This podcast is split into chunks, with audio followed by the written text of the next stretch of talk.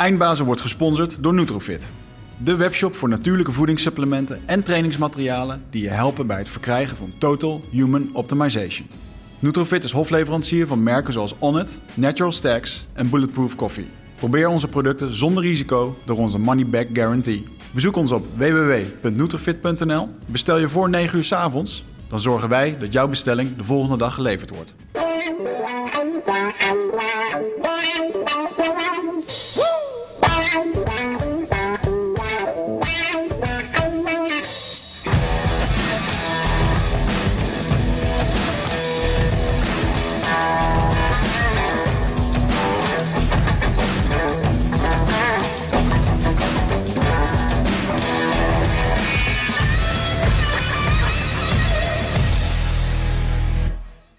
We're rolling and we're live. Ja.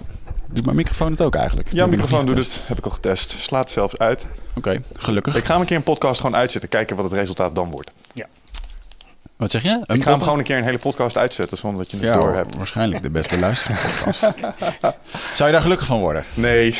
Even als thema van vandaag. Ja, het is leuk man. We hebben vandaag uh, hooggeleerd eh, bezoek. Hoog geëerd en geleerd. Hooggeëerd en geleerd. Het is niet alle dagen dat je met een, eh, een heuse professor... eh, Nou, er zat veel meer in. Hij heeft net een introductie gedaan. ja, Maar die mag je dan zelf nog maar een keer even herhalen. Ik vond het wel heel imposant.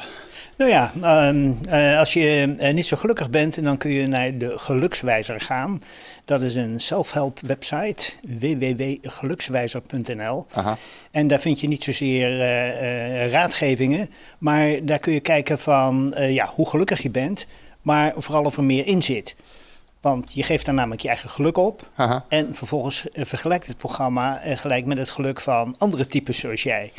Andere ik- types ik, ik- zoals ik- jij. Ik bedoelde eigenlijk ook eventjes de introductie over jouzelf. Want je had een best wel... eh, je bent geen professor. Je had een hele luxe naam. Eh, ja, ik ben Ruud Veenhoven, ik ben emeritus professor sociale condities voor menselijk geluk. Emeritus betekent dat je gepensioneerd bent. Ah. De meeste gepensioneerden die eh, zitten achter de geraniums. Eh, ik niet. Nee. ik zit na mijn pensioen nog steeds op de Erasmus Universiteit. En daar tegenwoordig bij een instituut Happiness Economics. Happiness Economics. En daarnaast eh, ben ik nu dan nog in Zuid-Afrika. ehm, en daar ben ik bijzonder hoogleraar. En Oh. daar doe ik ook in geluk. Hoe werkt het eigenlijk met pensioen in Nederland? Mag je na je pensioen nog officieel werken en zo? Is dat gewoon een vrijwillige keus? Eh, bij mij is het een vrijwillige keus. Eh, hè, je krijgt dan van de universiteit een gastvrijheidsovereenkomst. Ah ja. Eh, dat wil zeggen van je wordt eh, uitgenodigd voor van alles en nog wat, maar ze betalen geen salaris. Ah. Maar ehm, eh, ik heb wel eh, nog een kamer en allerlei dingen. En ja, ook zelfs nog een hele onderzoeksgroep. ah, mooi. Zoeken wij nog een professor in het team? Ja. ja, ik denk het wel. Ja, als je Het zou wel goed zijn IQ Dat klinkt wel goed? Ja. Oké, mooi. Maar in ieder geval, vandaag gaan we het hebben over geluk. En dat is iets waar jij, ehm, eh, als ik jou google en er- ik heb jou geYouTubed en dan komt er heel veel naar voren over, eh, vond ik een mooie wetenschappelijke onderbouwing van geluk. Want geluk is natuurlijk wel een subjectief eh, onderwerp. En ik heb een, een TED-talk van jou gekeken ook. En eh, dan vond ik het mooi hoe dat je dat intro gaf. Dat er eh, mensen kunnen zich gelukkig voelen. Maar dat is het anders dan ja, ehm, echt gelukkig zijn met het leven. Wat volgens jou geluk is, toch? Ja, eh, bij mij is geluk eh, levensvoldoening. En je kunt ja, best je leven als geheel zien zitten en toch 's morgens chagrijnig uit bed stappen. Ja. Ik denk dat veel mensen dat doen. ja. Ja. Maar goed, er zijn ook ehm, eh, eh, mensen die ongelukkig zijn, eh, maar die wel degelijk een keer een, een prettig moment hebben. Bijvoorbeeld in het café als ze een beetje tipsy zijn. Mhm. Maar ik denk niet dat dat, de, dat dat het eerste is waar mensen aan denken als ze denken aan geluk. Dan denken ze denk ik aan wat jij net zei, een, een redelijk constante staat van voldoening over hoe je een invulling geeft aan je leven. Ik denk dat, dat ik zo naar geluk kijk.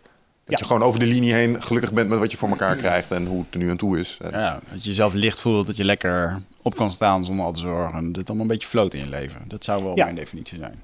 En eh, als je dan eh, eh, nog eens even nauwkeuriger kijkt hè, van wat is dat precies, levensvoldoening? Dat is voor, aan de ene kant is dat toch ja, iets intellectueels. Hè, dat je Mhm. denkt van, goh, heeft mijn leven nou gebracht wat ik ervan van verwacht? Maar eh, het heeft ook een gevoelscomponent. Eh, hè, dus dat, dat je je over het algemeen ook prettig voelt. Ja, nou wat ik er interessant aan vond is, eh, want, je- want je dook direct de diepte in zojuist. En eh, wat bij mij daar eh, opviel is dat of jij gelukkig bent ten opzichte van andere types zoals jij. En dat suggereert een aantal dingen. Namelijk dat er type mensen zijn die geluk anders kunnen ervaren. Dat die daar andere criteria eh, voor hebben. En dat je dat dus blijkbaar over groepen heen eh, anders beoordeelt of waardeert. Nou, het ligt net even anders. Ehm, eh, die gelukswijzer, daar kun je dus eh, eh, vergelijken met andere types zoals jij. Maar dan kijk ik dan vooral naar mensen die in dezelfde levensomstandigheden verkeren. Juist. Dus diezelfde leeftijd, hetzelfde geslacht, opleiding en, en dat soort dingen. En ja, als je je afvraagt van, ja, kan ik gelukkiger zijn? Eh, hè, laten we eens even zeggen van, hè, we drukken geluk uit eh, op een schaal van 0 tot 10. En bij jou is het een 6. Ja. Nou, kun je denken van, ja, eh, zo is het leven. Meer zit er niet in. Ehm, leven is lijden. Ja. Maar dan is het toch wel prettig om te weten hoe het zit met andere mensen die ja, dezelfde opleiding, type beroep, ook dezelfde gezondheid. Ja, en als eh, eh, die mensen nou gemiddeld een 8 scoren, nou, dan betekent dat dat voor jou er toch wel wat meer in zit. Ja. En dan loont het ook om te gaan kijken van, eh, en waar zit het dan in? En dan kun je bij die gelukswijzer ook gebruik maken van het geluksdagboek. Ehm, eh, ja, daar vul je in van wat je de vorige dag gedaan hebt. Nou ja, je staat eerst op en meestal heb je daarna een ontbijt. En nou ja, als je werkt, dan ga je naar je werk. Enfin, dat vul je allemaal in. En als je dat gedaan hebt, eh, dan vraagt het programma...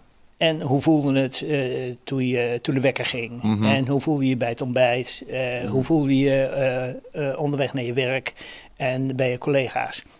Nou ja, dan krijg je dus een, een, een heel overzicht van hoe je je voelde.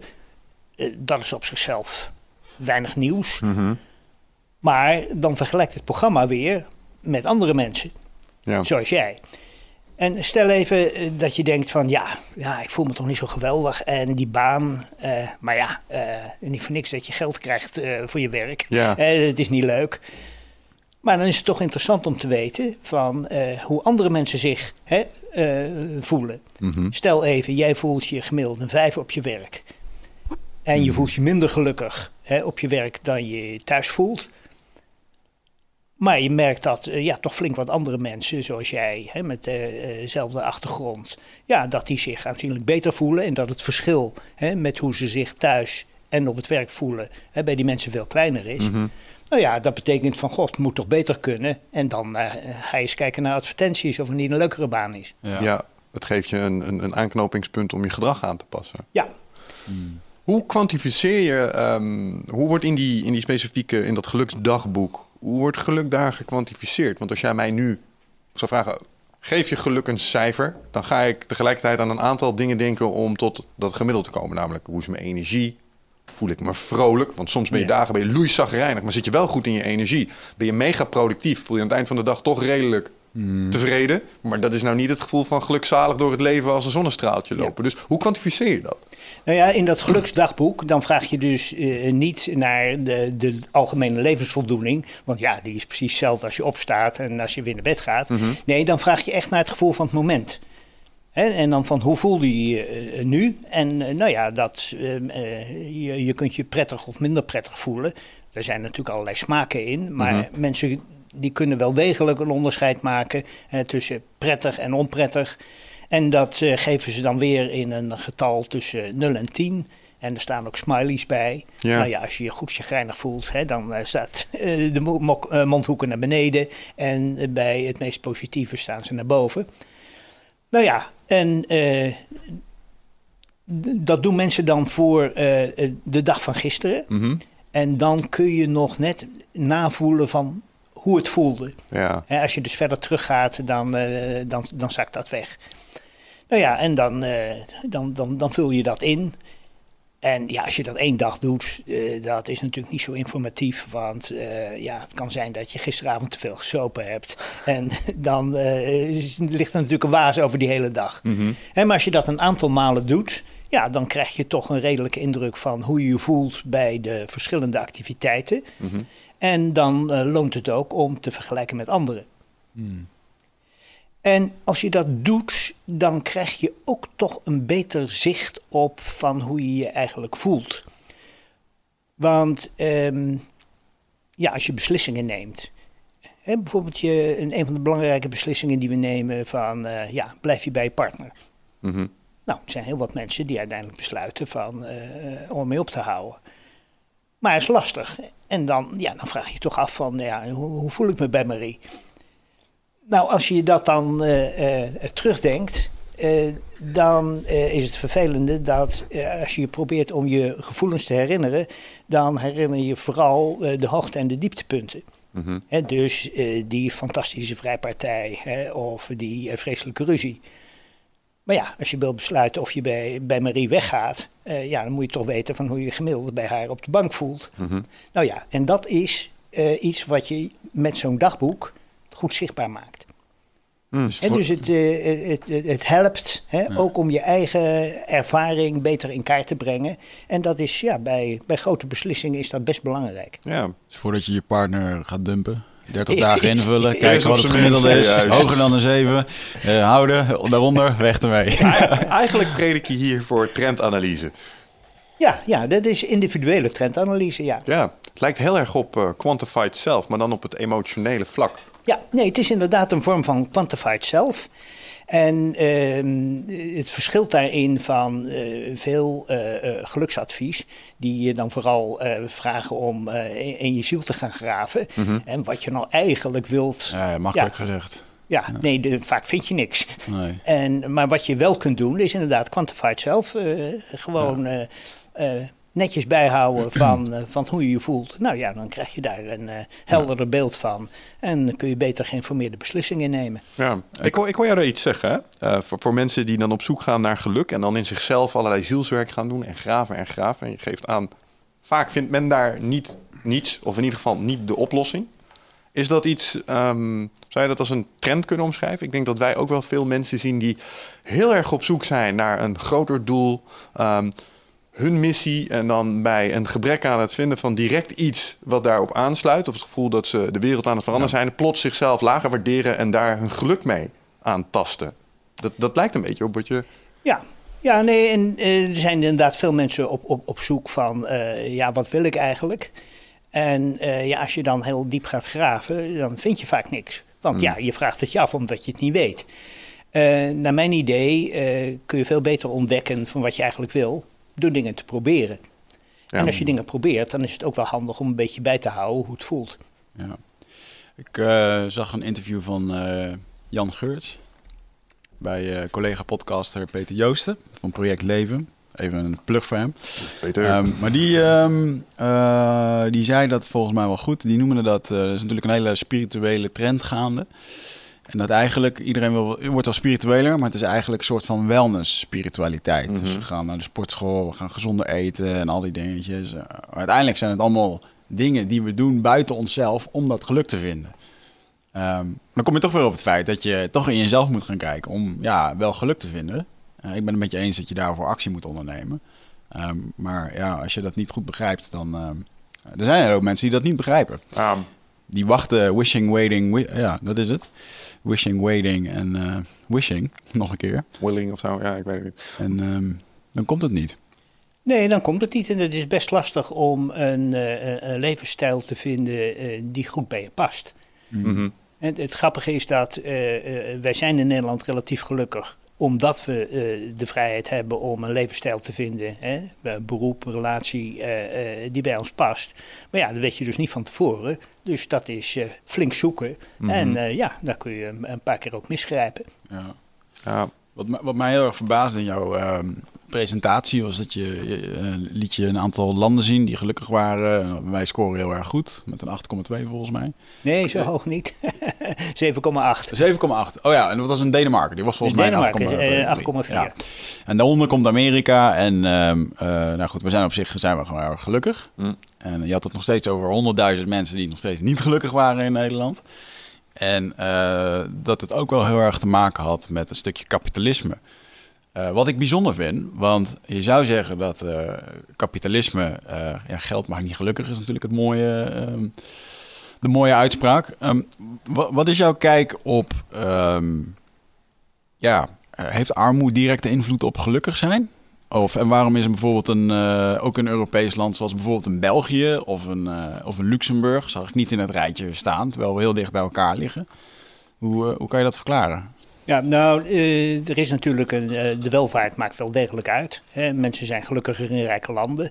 Eh, niet alleen omdat geld op zichzelf gelukkig maakt, maar omdat je daar ook betere voorzieningen hebt, betere ambtenaren, betere straatverlichting. Ah, ja. Dus dat, dat is één, één factor. En dat is vooral het verschil zeg maar, tussen de westerse wereld en zeg maar, Afrika.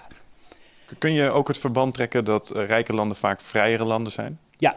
Is dat een... Ja. Is dat een ja? Eh, vaak wel, niet altijd. Hè. Dus eh, Saudi-Arabië is steenrijk, maar niet erg vrij. Maar die haalt het gemiddelde flink omhoog in dat opzicht. Als het Ja. gaat om eh, onderdrukkende landen met welvaart. Ja, dat snap ik. Ja. Ja. Maar goed, ehm, eh, ja, en, eh, en welvaart is natuurlijk ook ja, een onderdeel van een eh, ruimere moderniteit van landen. Mhm. En hè, in die rijke landen, ja, daar heb je ook een, eh, een veel fijnere arbeidsverdeling. En dat betekent dat ja, meer mensen dus in een, eh, een, een baan kunnen krijgen eh, die bij hen past. Ja. Ja, als iedereen boer is, ja, jammer dan als eh, jij niet het type bent Ja. om, om, te- om te boeren, dan is dat heel vervelend.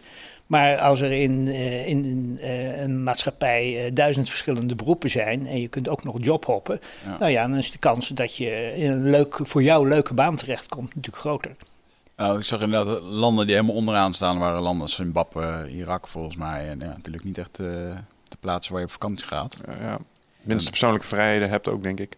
Ja, Ja. en wat daar ook, eh, hè, dus die, die landen zijn arm, dat is één probleem. Maar wat nog ietsje belangrijker blijkt, dat is de, eh, de, de kwaliteit van de overheid.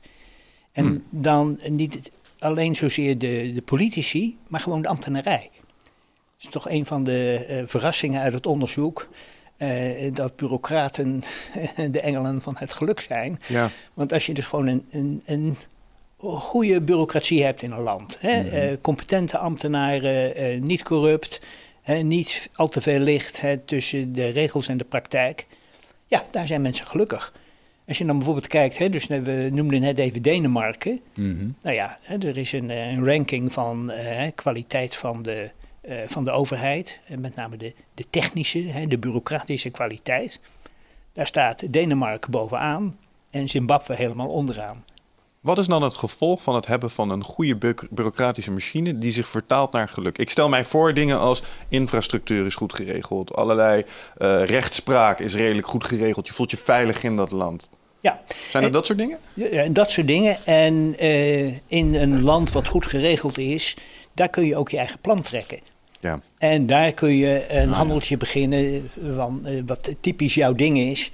Ehm, maar ja, in die, eh, in, die, in die landen waar je niet veilig bent, bedoel, eh, daar word je gelijk bestolen. Mhm. En omdat er geen onpartijdige bureaucratie is, ehm, ben je veel afhankelijker van je familie. Ja.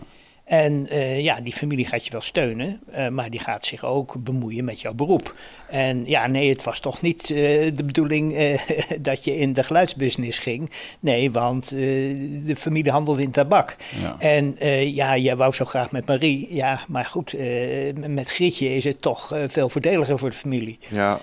Dus dan kom je veel eerder eh, eh, terecht in een levensstijl eh, die je moeder misschien ideaal vindt, maar eh, die bij jou niet zo past. Ja. Ik denk dat wij dat echt vergeten. Ik denk dat wij dat echt te vaak niet in de gaten hebben. Hoe goed het hier in Nederland in dat opzicht geregeld is ten opzichte van andere plekken in de wereld. Net wat jij zegt, het feit dat ik bij mijn baan weg kon, eigen webshopje kon starten. Zonder dat ik me al te veel zorgen hoefde te maken over dat we bestolen, bedrogen of wat dan ook zouden worden. Met Ja. een vangnet eronder. Ja. is niet vanzelfsprekend in de wereld. Nee, of Nee. dat je eh, op internet gewoon kan roepen dat de koning een lul is. Dat kan je in Nederland doen, maar in andere landen... Doen ze in Thailand? eh, doen ze in Thailand, wordt gewoon je poten Ja. eraf gehakt. Ja. En dat Ja. bracht mij tot een wel de laatste discussie over ehm, eh, Noord-Korea. Noord-Korea is een dictatorschap, hè? Ja. Mag je dat zo zeggen? Jazeker. En communistisch ook, of niet? Ja. Eh, in ieder geval officieel wel, ja. Ja. Ja. aan de top niet helemaal. En, en wat, ik daar, wat ik daar bijzonder aan vind, ik heb dan een keer een documentaire gezien op, op Vice, hoe ze ehm, met een verborgen camera daarheen gingen en dan ja, probeerden ze contact te maken met die mensen. Maar joh, iedereen helemaal stijf van de, van de regels en van de angsten van de dingen. En jij zei daar dat mensen daar beloond worden. Worden ze beloond op het moment als ze elkaar verraden, als ze Ja. het goed worden gedaan? Ja, ik heb dat in een andere podcast gehoord. Dat, dat hebben ze daar zo goed geregeld dat jij aan het eind van de dag moet jij rapporteren over de mensen om je heen. En als jij niks te melden hebt over ze, dan ben je waarschijnlijk iets aan het verstoppen, is de houding. Dus eh, iedereen wordt eh, aangemoedigd om elkaar te verraden. Dus aan het eind van de dag komt een government official bij mij en zegt: eh, hoe hebben Wichert en Ruud zich gedragen vandaag? En dan ben ik heel genegen om te kunnen zeggen: ja, maar die Wichert die zei iets over het regime. Om, om elkaar te verlinken, zeg maar. Zodat iedereen in een constante staat van angst en paranoia leeft. Ja. En dat was hun instrument, redelijk geniaal aan elkaar gezet, om de bevolking te onderdrukken. Ja, ja. En dan- is mijn vraag hierover. Want als je dan ziet dat zo iemand bijvoorbeeld... Ik heb het een keer gezien, er ging eh, in één keer overleed er iemand. En dan al die drama op televisie. Dat zelfs de mussen aan het huilen waren. Dan zie je zo'n boom met allemaal van die mussen. Mensen die op straat echt vooral laten zien dat ze heel erg verdrietig zijn. En misschien is het ook wel echt, want ze zijn zo opgegroeid. Maar zouden die mensen ook een vorm van geforceerd geluk daar kunnen krijgen? Of hoe, hoe, hoe werkt dat? Nou, ik denk wel dat ze verplicht glimlachend over straat gaan, eh, maar dat ze niet echt gelukkig zijn. En nou hebben we eh, dus in eh, Noord-Korea geen onderzoek. Het is een van de weinige landen Wilden ze niet mee? Nee, ja, dit, dit is toch het arbeidersparadijs, dus daar hoef je ook geen onderzoek te doen, Ja. zullen ze zeggen. Nee, typisch in die landen zijn mensen minder gelukkig. En wat je net even aanhaalde, hè, dus dat onderling verlinken, ja, dat heeft nog een ander neveneffect. eh, namelijk dat het je ehm, vriendschappen en familierelaties ondergraaft. Oh, ja. En dat hebben we toch ook gezien in Oost-Europa, toen eh, het communisme daar nog heerste. Hmm. En eh, ja, in Oost-Duitsland met de ECD had je dus ook wel dergelijke dingen. Nou ja, en dan blijkt uit onderzoek dat die mensen bijvoorbeeld ook minder vrienden hebben. Mhm. ja. En ja, als- als je kijkt van wat is belangrijk hè, in een land als Nederland. Hè, ehm, nou, niet iedere Nederlander is even gelukkig. En eh, als je dan kijkt naar de verschillen, dat zit onder andere hè, in de relaties. Hè. Heb je dus eh, vrienden, ga je goed om met familie. Ja, en als een regime dat eh, die relaties onder druk gaat zetten, ja, dan eh, gaat het eh, geluk met 1, 2 punten omlaag. Ik denk dat je ook echt een van, de belangrijkste st- poten van de stoel aan het zagen bent. Wij als sociaal dier, die echt een heleboel van onze beleving halen uit onze interacties met anderen. Om vertrouwen. Ja. hè. Je kan niemand meer Ja, en als die dingen per, per definitie gewoon al vergiftigd zijn, ja, dan word jij van binnen ook heel zuur, denk ik. Ja. Ja, en dan eh, ja, wordt de bevolking ongelukkig. Ehm, ze komen meestal niet in opstand, maar ehm, eh, hun productiviteit daalt. Mhm. En de levensverwachting loopt ook terug. Want ongelukkige mensen, ja, die gaan eerder dood. Nou ja, dat hebben we dus ook gezien in Rusland, waar eh, de levensverwachting dramatisch daalde. Er werd eh, in eerste instantie vooral toegeschreven aan eh, drankgebruik. Want ja, als je ongelukkig bent, hè, Mhm. dan neem je nog een slok eh, eh, wodka extra. Daar staan ze wel onbekend ook. Daar staan ze ook onbekend. Nou ja, en, Hmm. en dat nam dramatische vormen aan. Maar ook als ze geen wodka hadden gedronken, ja, als eh, een bevolking chronisch ongelukkig is, ja, dan eh, leven ze gemiddeld minder lang. Wat is dat in biologische zin wat zorgt dat dat ervaren geluk in je hoofd omslaat naar iets fysieks, waardoor je, levens, eh, je, je levensduur er gewoon aangaat? Wat sloopt je van binnen? Ehm, een van de mechanismen, ik denk het belangrijkste, is dat wanneer je ongelukkig bent, dat is toch eigenlijk een signaal dat het niet goed is. Mhm.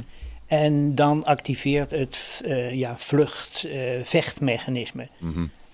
Ehm, hè, stress wordt dat wel genoemd hè, in, in, in echt technische zin. Hmm. Nou ja, en als het lichaam dan in eh, zo'n ja, vlucht-vechtmodus komt, eh, dan gaat het bezuinigen op van alles en nog wat.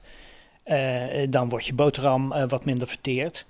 Maar eh, het lichaam eh, bezuinigt ook op eh, het immuunsysteem. Ja. Eh, en met als gevolg eh, eh, dat je ja, eerder ziek wordt.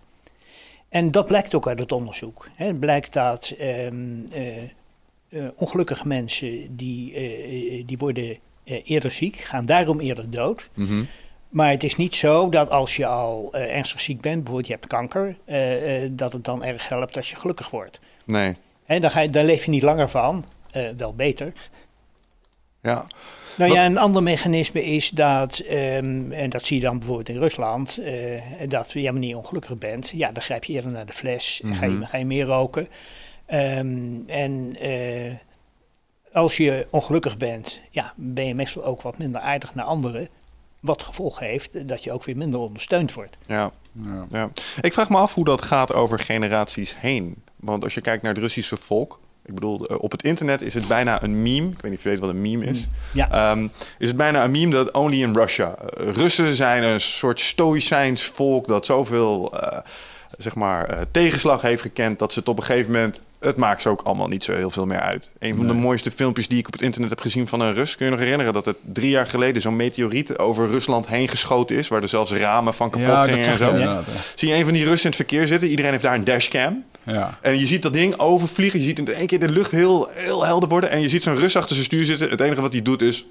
Klepje naar beneden. Hij rijdt gewoon door, weet je wel. Als mij dat in Nederland zou gebeuren, ik zou... Weet je wel, ik zou schrikken, ik zou gek worden. En die Russen, die. Ja, het zal wel. En mijn vraag die daaraan gekoppeld is... ehm, stompen generaties op een gegeven moment ook af... waardoor ze een beetje weerbaarder worden tegen dat ongeluk... of het gebrek aan geluk? Ehm, ja, dat speelt een rol. En wat dus ook een rol speelt, is eh, dat je denkt van ja, ik kan er toch niks aan doen. Mhm. En eh, dat, eh, dat zich een, ja, een soort van machteloosheid ontwikkelt.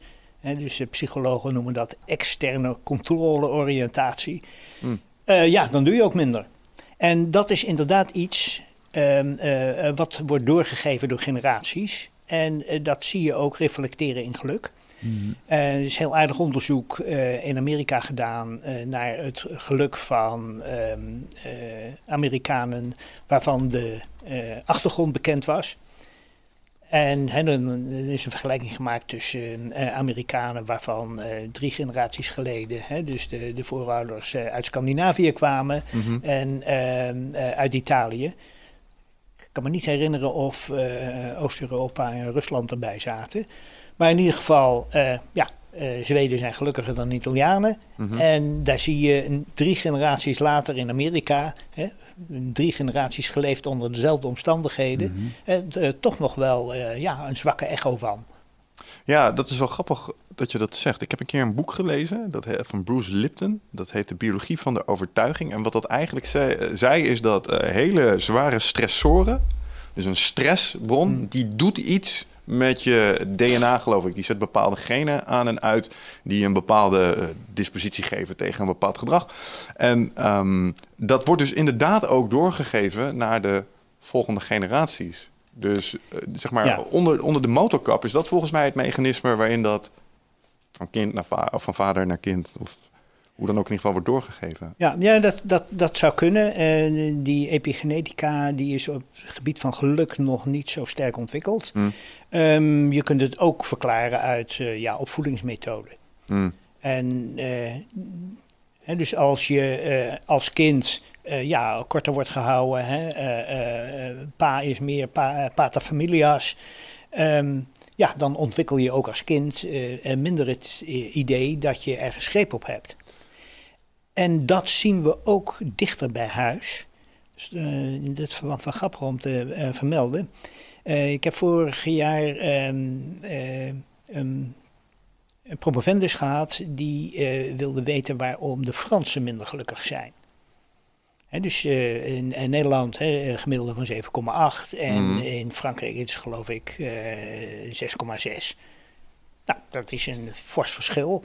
En je vraagt je af waarom zijn die Fransen nou minder gelukkig? Mhm. Hartstikke mooi land, eh, cultuur en Bourgondisch levensstijl. ja, ja, eh, allemaal dingen. wij vinden het fantastisch, we gaan er ook op vakantie. Ja. Maar die Fransen die zijn toch minder gelukkig dan wij. En eh, hoe komt dat nou? Nou, eh, wij gekeken van, zit het in de welvaart? Nee, even rijk. Zit het in de bureaucratie? Nee, helemaal niet. Die Franse bureaucratie is hartstikke goed. Ehm, een hele hoop dingen die, die vielen af. Maar wat wel bleek, eh, dat er een behoorlijk verschil is eh, op het psychologische vlak, namelijk de zelfwaardering. Hè, dus als je Nederlanders vraagt van, eh, eh, van eh, hoe vind je jezelf? Nou, eh, wij vinden onszelf over het algemeen wel prima. Maar die Fransen veel minder. En eh, weliswaar gooien ze daar zo nu en dan de ruiten in. Hè. De Fransen zijn ook bekend om hun protest. Ehm, maar dan als je goed kijkt, dan ja, die, die, die verhoudingen die zijn hiërarchischer. Op de werkvloer is ook de afstand tussen de baas eh, en eh, eh, eh, de, de employé die is groter. Mhm. En dat vertaalt zich ook psychologisch in minder zelfwaardering. Maar als dat waar zou zijn, is dat dan ook waar voor Duitsland? Waar je een soort gelijk fenomeen hebt. Uh, ja, maar dat is toch minder in Duitsland dan, dan in Frankrijk. Hmm. En nou ja, dat was de volgende vraag van hoe komt dat? En toen kwamen we toch uit ook bij de opvoeding. En daarvan uh, kun je wel, uh, als je een beetje in Frankrijk rondloopt, zien hè, van dat uh, nou ja, kinderen die worden korter gehouden in Mhm. Frankrijk. Ja, en daarom vinden Franse ouders ook dat onze Nederlandse kinderen dat die, te weinig worden opgevoed. Ja, Maar ja, daar kregen we niet echt de vinger achter om dat te kwantificeren. Maar toen liepen we tegen een heel interessant onderzoek aan eh, dat parallel loopt met PISA. Hè, PISA dat is een internationaal onderzoek waarbij vergeleken wordt hoe kinderen het doen op school. Ah. Met name op de middelbare school. En eh, daar eh, weten we van dat de Chinezen veel beter zijn in wiskunde. Ehm, bij dat PISA-onderzoek is ook gekeken, eh, niet alleen van hoe, hoe goed ze het doen op hun proefwerken, maar ook wat er gebeurt in de klas. En eh, eh, bij dat onderzoek eh, vulden leraren in van hoe ze een les geven. En ook leerlingen van wat, die, die Mhm. beschreven van wat er in de les gebeurde. We hebben gekeken naar het vak wiskunde. Hè, van hoe wordt wiskunde gegeven? Nou ja, en dan om het een, een beetje scherp te stellen. je hebt eh, ehm, eh, verticaal onderwijs. Hè, de leraar staat voor de klas. Die legt de eh, stelling van Pythagoras uit. En eh, eh, opschrijven, uit je hoofd leren. En daarna hebben we een, een examen.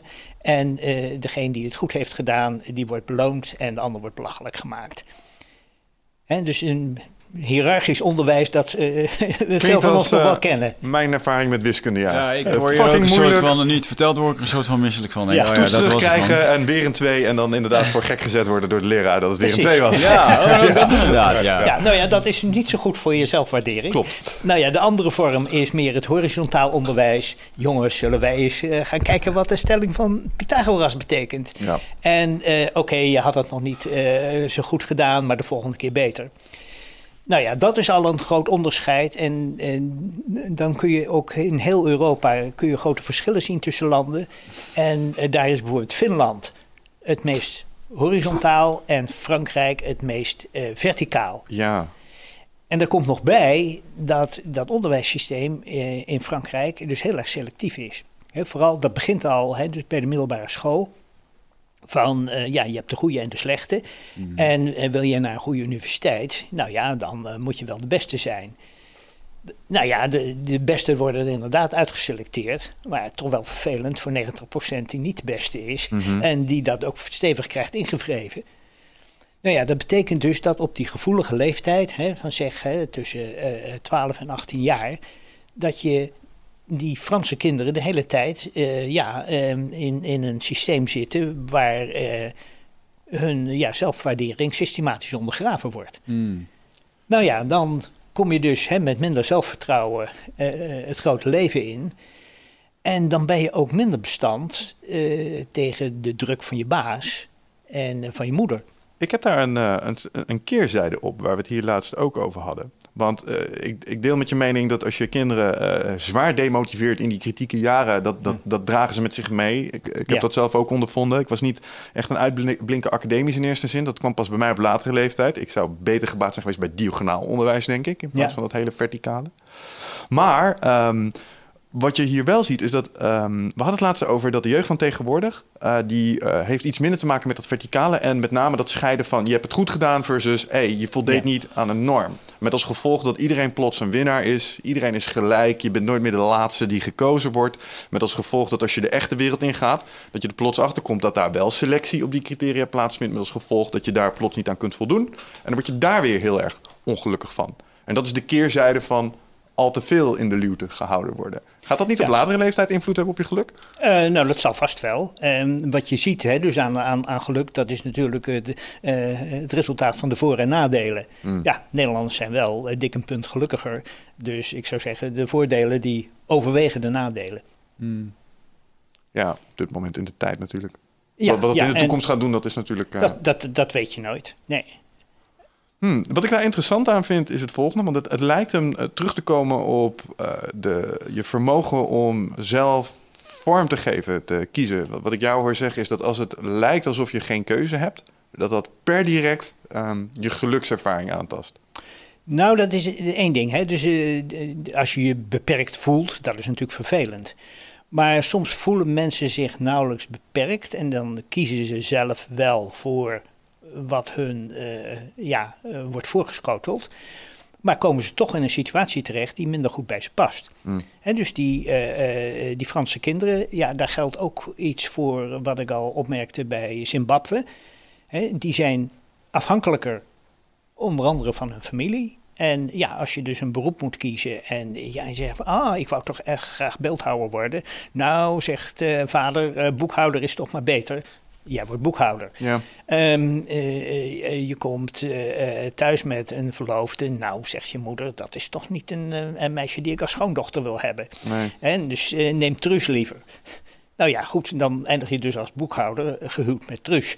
En misschien is dat nog goed voor een zes. Maar Ja. niet de acht die er misschien in had gezeten als jij de, de keuzes had gemaakt die bij jou pasten. Ja. Maar toch gebeurt dit ook wel in Nederland. Ik bedoel, ik kom uit een klein dorpje uit eh, de achterlanden van eh Salland. En ik heb eh, jongens op de basisschool gehad die dit... Dit was hun levenspad, zeg maar. Pa en ma die wel iets vonden van de carrière en met de mensen wie ze trouwden. En mensen wonen nog steeds in hetzelfde dorp. Ja, en bij sommige mensen eh, gaat dat goed. Hè, dus eh, ja, je zou kunnen zeggen, eh, als er maar één jas te koop is in, eh, in, in de winkel, er zijn altijd mensen bij, waarbij dat past. Voor wie dat een Maar mooie ja. jas is, ja. Maar ja, een flink aantal loopt in het grote jas en een aantal in het kleine jas. Ja. En dan denk ik, hè, dus de mensen die zijn blijven wonen eh, in jouw dorp, dat zullen over het algemeen wat meer mensen zijn waarbij de jas paste. En eh degene eh, waarbij dat niet paste, die zijn vertrokken naar Amsterdam. Ja. Ja, misschien wel. Ik weet het niet. Ik denk dat, dat een heleboel mensen in Nederland, ondanks dat wij al die fantastische vrijheden hebben, ook nog wel nou, vanuit die familiedruk. Ik, Ja. ik, ik ken ook wel mensen die uit christelijke omgevingen komen, die, eh, die daarin meegaan, hoewel ze volgens mij diep in hun hart eh, daar niet helemaal achter staan, maar een beetje omwille van nou, de goede vrede in de familie bewaren en dat soort dingen. Ja, en eh, dan komen we dus, hè, we, we hebben een grote gelegenheid tot kiezen, maar eh, die kun je alleen kapitaliseren als je ook kunt kiezen. Hè, je moet dus een vermogen tot kiezen ontwikkelen. En dat is niet alleen lef, hè, zelfvertrouwen, maar dat is ook dat je jezelf kent. En Ja. dat je eigenlijk eh, eh, eh, weet wat je sterke en je zwakke kanten zijn, maar ook hoe je je bij verschillende dingen voelt. Nou ja, en dan is die gelukswijzer waar we het over hadden, dat is dan een van de middeltjes die je kunt gebruiken om je gevoelsleven wat beter in kaart te brengen. Maar er zijn in de, in de psychologie, met name de positieve psychologie, ook heel aardige methodes om te kijken van waar ben je nou eigenlijk goed in en waar ben je, wat zijn je zwakke kanten. Mhm. Ja. Even terug, eh, als ik dan aan dat, aan dat dorp denk waar we het net over hadden, ehm, moet ik ook, denk ik dat een boel van dat gedrag ook is ingegeven door een stukje eh, cultuur en religieuze achtergrond. Eh, Waar ik wel, want hè, ehm, geloof, het geloof in een god of we geloven in een religie, dat, dat zou dan de belofte zijn naar geluk. Is er in die onderzoeken nog iets naar boven gekomen dat daar verbanden tussen legt? Dus de, de, beoefenend gelovig zijn versus atheïst of agnost in termen van perceptie van geluk. Ja, nee, dat vind ik een eh, heel spannend onderwerp. Hmm. En eh, ik ben begonnen met het vergelijken van landen. En, eh, want ja, dat is mooi onderzoek. En dan wordt mensen gevraagd van, nou ja, geloof je in God? En bid je en ga je naar de kerk? Nou, dan blijkt van hoe religieuzer het land, hoe ongelukkiger. Hmm. Hmm, interesting. Is dat de belofte van de hel die dat doet? Eh, nou, dat is één verklaring. eh, dat eh, ja, eh, sommige religies in ieder geval, eh, die hebben een eh, nogal zwartgallig beeld van de mens en het leven. Ehm, Yep. maar ik denk dat er meer aan de hand is. Je kunt het ook zien dat ehm, eh, religie eh, wel degelijk troostend kan zijn. En dat daarom in de meest beroerde omstandigheden, waar de mensen het minst gelukkig zijn, Mhm. de mensen ook het meest naar de kerk gaan. Oh, er is een omgekeerd verband. Ja. Je bent ongelukkig, dus je gaat naar de kerk. Ja. Niet je gaat naar de kerk, dus je bent ongelukkig. Ja, nou, eh, en als je dan vervolgens naar een kerk gaat die je nog verder de put intrapt, Ja. dan. eh, Zondaars, jij zult branden in de hel. Laat Ja. Jezus je hart in, anders is het allemaal verloren. ja. Nee, als je zo kijkt naar ehm, eh, eh, de, de christelijke kerk, hè, de, met name de katholieke kerk zoals we die uit de middeleeuwen kennen, Mhm. ja, die glorificeert het lijden. Ja. Hè, dus overal zie je Christus hangen en aan, aan de muren eh, zijn, eh, zijn, zijn kruistocht. Nou ja, inmiddels weten we dat eigenlijk de middeleeuwen, eh, eh, dat dat ongeveer eh, het dieptepunt is geweest in de menselijke geschiedenis eh, eh, qua kwaliteit van leven. Ja. En dan is het begrijpelijk dat in zo'n situatie zich een, eh, ja, een, een kerk ontwikkelt die eh, het, het lijden zozeer glorificeert. Ja. En ja, daarmee in misschien eh, ja, eh, die ellendige eh, situatie iets leefbaarder heeft gemaakt. Hmm. Je zou zeggen, de, de middeleeuwen lijkt, als ik dan, want ik baseer dat op films en dingen die je dan ziet en zo. Wat zat er dan net voor de middeleeuwen dat het daar nog net wat beter was? De oudheid. Nou, de, eh, als je dus de menselijke hè, geschiedenis neemt, hè, pakweg ehm, eh, 100.000 jaar, ehm, dan eh, hebben we daarvan ongeveer 98% eh, geleefd als jagers-verzamelaars. Ja. eh, in relatieve vrijheid. Nou ja, dan slaat de ehm, eh, vooruitgang toe. hè, de ploeg wordt uitgevonden. en langzamerhand gaan mensen dus steeds meer op een vaste stek wonen. met een, een vaste akker. Eh, daarbij krijgen ze ook voorraden. ja. En eh, het vervelende van ja, het aardige van voorraden is dat ze je door de winter helpen. Eh, het vervelende is dat ze gestolen kunnen worden. Ah. Nou, dat gebeurt dan ook. Hè. Eh, in die agrarische samenlevingen, daar ontwikkelt zich een roversklasse. Hè, een soort van maffia, die zich adel gaat noemen. En eh, ja, die de boertjes uitschudt en eh, die daarna ook elkaar de hersenen inslaat. En dus die, die agrarische hè, eh, samenleving, hè, die, zoals we die in zijn eh, eh, de meest ontwikkelde vorm in onze middeleeuwen gezien hebben, ja. dat is een samenleving waarin erg veel geweld is. Hè? heel veel ingeslagen schedels. Er zijn, is een hele tak van wetenschap die aan de botten hè, probeert te reconstrueren hoe de kwaliteit van leven was. Nou ja, die was dus in de middeleeuwen vrij beroerd. ja. Ehm, en veel ondervoeding, veel geweld. Ziekte. Ziekte, ja. Want mensen gingen ook, eh, hè, dus die gingen op een, een, een, een, een hutje-mutje leven eh, eh, met dieren ernaast. Mhm. Eh, dus het heeft een hele tijd eh, ook, ook geduurd voordat er biologische weerstand was on- ontwikkeld. Nou ja, ehm, eh, een heel onprettige samenleving. En eh, dat wij nu zo gelukkig zijn, dat komt ook omdat wij ontsnapt zijn aan die samenleving. Ook ontsnapt aan de collectivistische cultuur die bij die samenleving hoort. Ja. En een deel van de verschillen in geluk die je nu nog ziet hè, eh, tussen Nederland en Frankrijk, hè, maar ook wordt tussen Nederland en, en Japan. eh, ja, dat is voor een deel ook nog een echo van eh, die hè, eh, agrarische feodale samenleving. Hè, met, zijn, met zijn opvoeding, met zijn machtsverschillen. Ja. Ehm, ja, waarin mensen gewoon minder gelukkig zijn. Weet je wat daar heel erg grappig aan is? Ehm, want als ik je goed heb begrepen, want ik wist niet hoe adel en eigenlijk daarmee ook nobility en dus een koningshuis. Want dat is de Ja. doorevaluering van zo'n roverschilder. Dus eigenlijk heb je een roverschilder. Dus je hebt een groep mensen die bouwen wat. Een groep mensen komt bij elkaar en zegt: Wij zijn sterker, wij hebben wapens, wij gaan dat stelen. Ja. Uiteindelijk wordt dat een soort nobility. Die Ja. gaat orde introduceren in je maatschappij. Want koningshuizen hebben de neiging om regeringen te vormen en de boel te gaan Ja. organiseren. Dat ontwikkelt zich in een overheid, die ontwikkelt zich in een bureaucratie. En ik heb begrepen dat een bureaucratie een van de belangrijkste dingen is voor de voorwaarden van geluk. Ja, Dus ja. we moesten beginnen met geweld om hieruit te kunnen komen. Ja. Nee, dus bij de, hè, dus bij, ehm, de, de, de, de rovers, hè, de maffia, daar, daar doet zich hetzelfde proces voor als we dus bij de kruideniers hebben gezien. Je krijgt in de concurrentie langzamerhand een groot winkelbedrijf. Ja. En, eh, eh, nou ja, en die heeft er ook baat bij om te zorgen dat het, eh, de zaak goed geregeld wordt. En uiteindelijk uit de gevechten ontwikkelt zich een vreedzame samenleving. En je hebt het over de eh, generatie die dan door echoot. Onder andere vanuit de middeleeuwen. In wetenschappelijke termen is een generatie is 30 jaar ongeveer. Hè? Ja, ja. Dat is niet veel. Dat is niet zo heel veel. Hoeveel generaties praten we dan terug tot de middeleeuwen? Nou, dan zijn er al gauw een eh, stuk of eh 10, 20. Kijk, de middeleeuwen is natuurlijk een lange Ja, maar is niet periode. veel. Ga er eens vanuit dat de middeleeuwen... Wanneer eindigde de middeleeuwen? Maar 1600 twintig, of zo? maar 20 generaties. Nou ja, en bij, bij ons zijn de middeleeuwen relatief snel geëindigd. Hè, althans in, eh, in Holland. Eh, En, eh, maar bij andere landen heeft het 100 jaar langer geduurd. Mhm. Ja.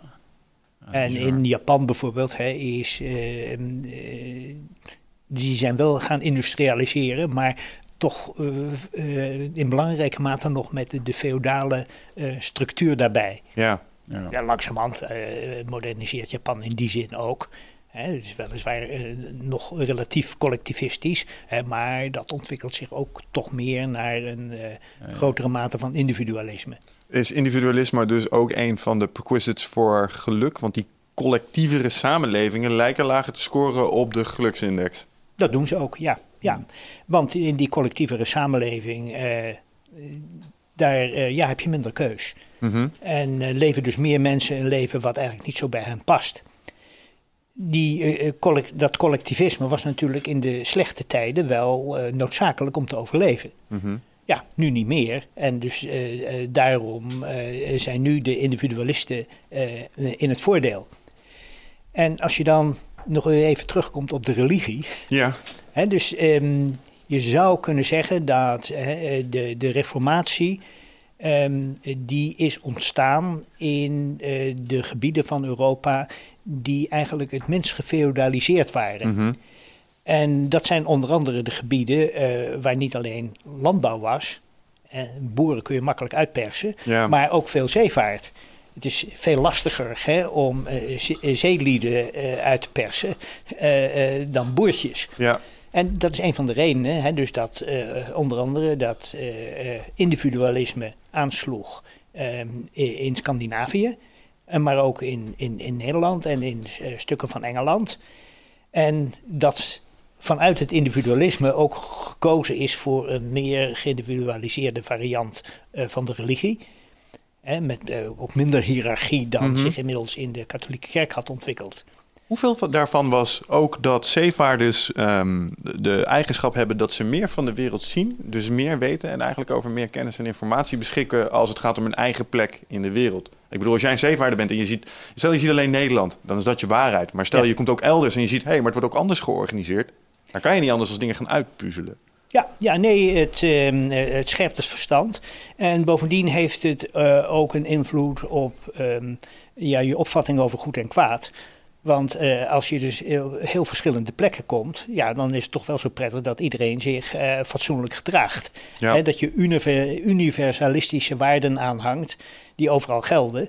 Terwijl als jij dus op één plek woont, ja, dan eh, is het geen bezwaar om vreemdelingen te vermoorden of eh, eh, te beroven. Ja, helder. Nog, nog even terug naar dat stukje over religie. Hè? Want dat zijn natuurlijk mensen die zien ook allerlei verschillende geloven. En wat geloven universeel hebben is dat er een soort almachtige of een stel aan almachtige entiteiten zijn die eh, zich mengen in het eh, daadwerkelijke leven.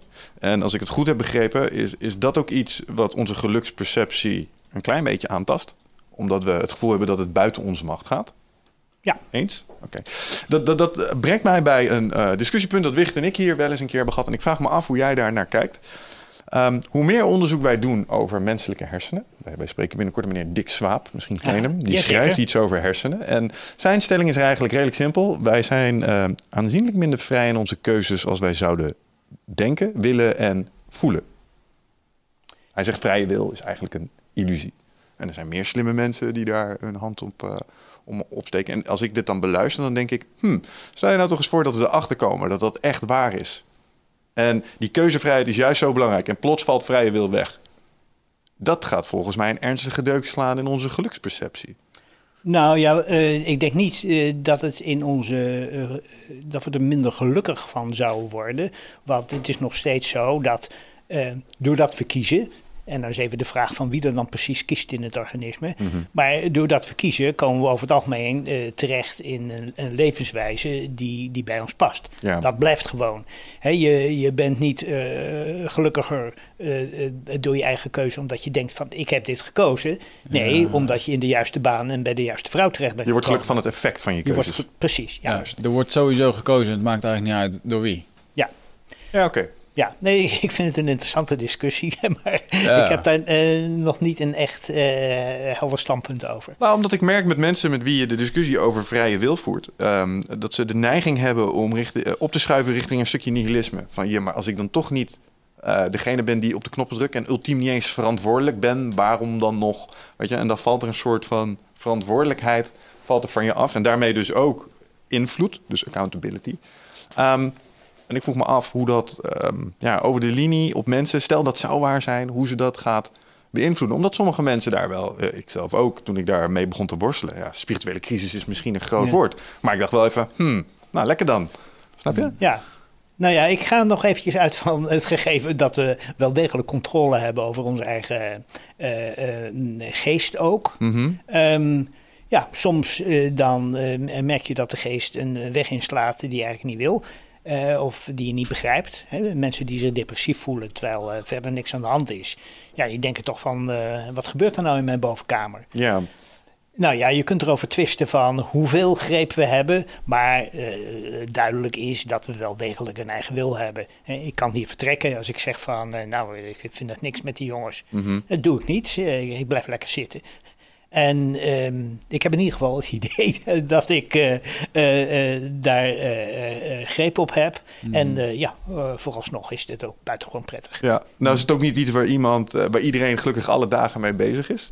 Wat ik me dan wel afvraag is, is er ook een, een verband te ontdekken tussen geluk en bijvoorbeeld ehm, intelligentie, IQ?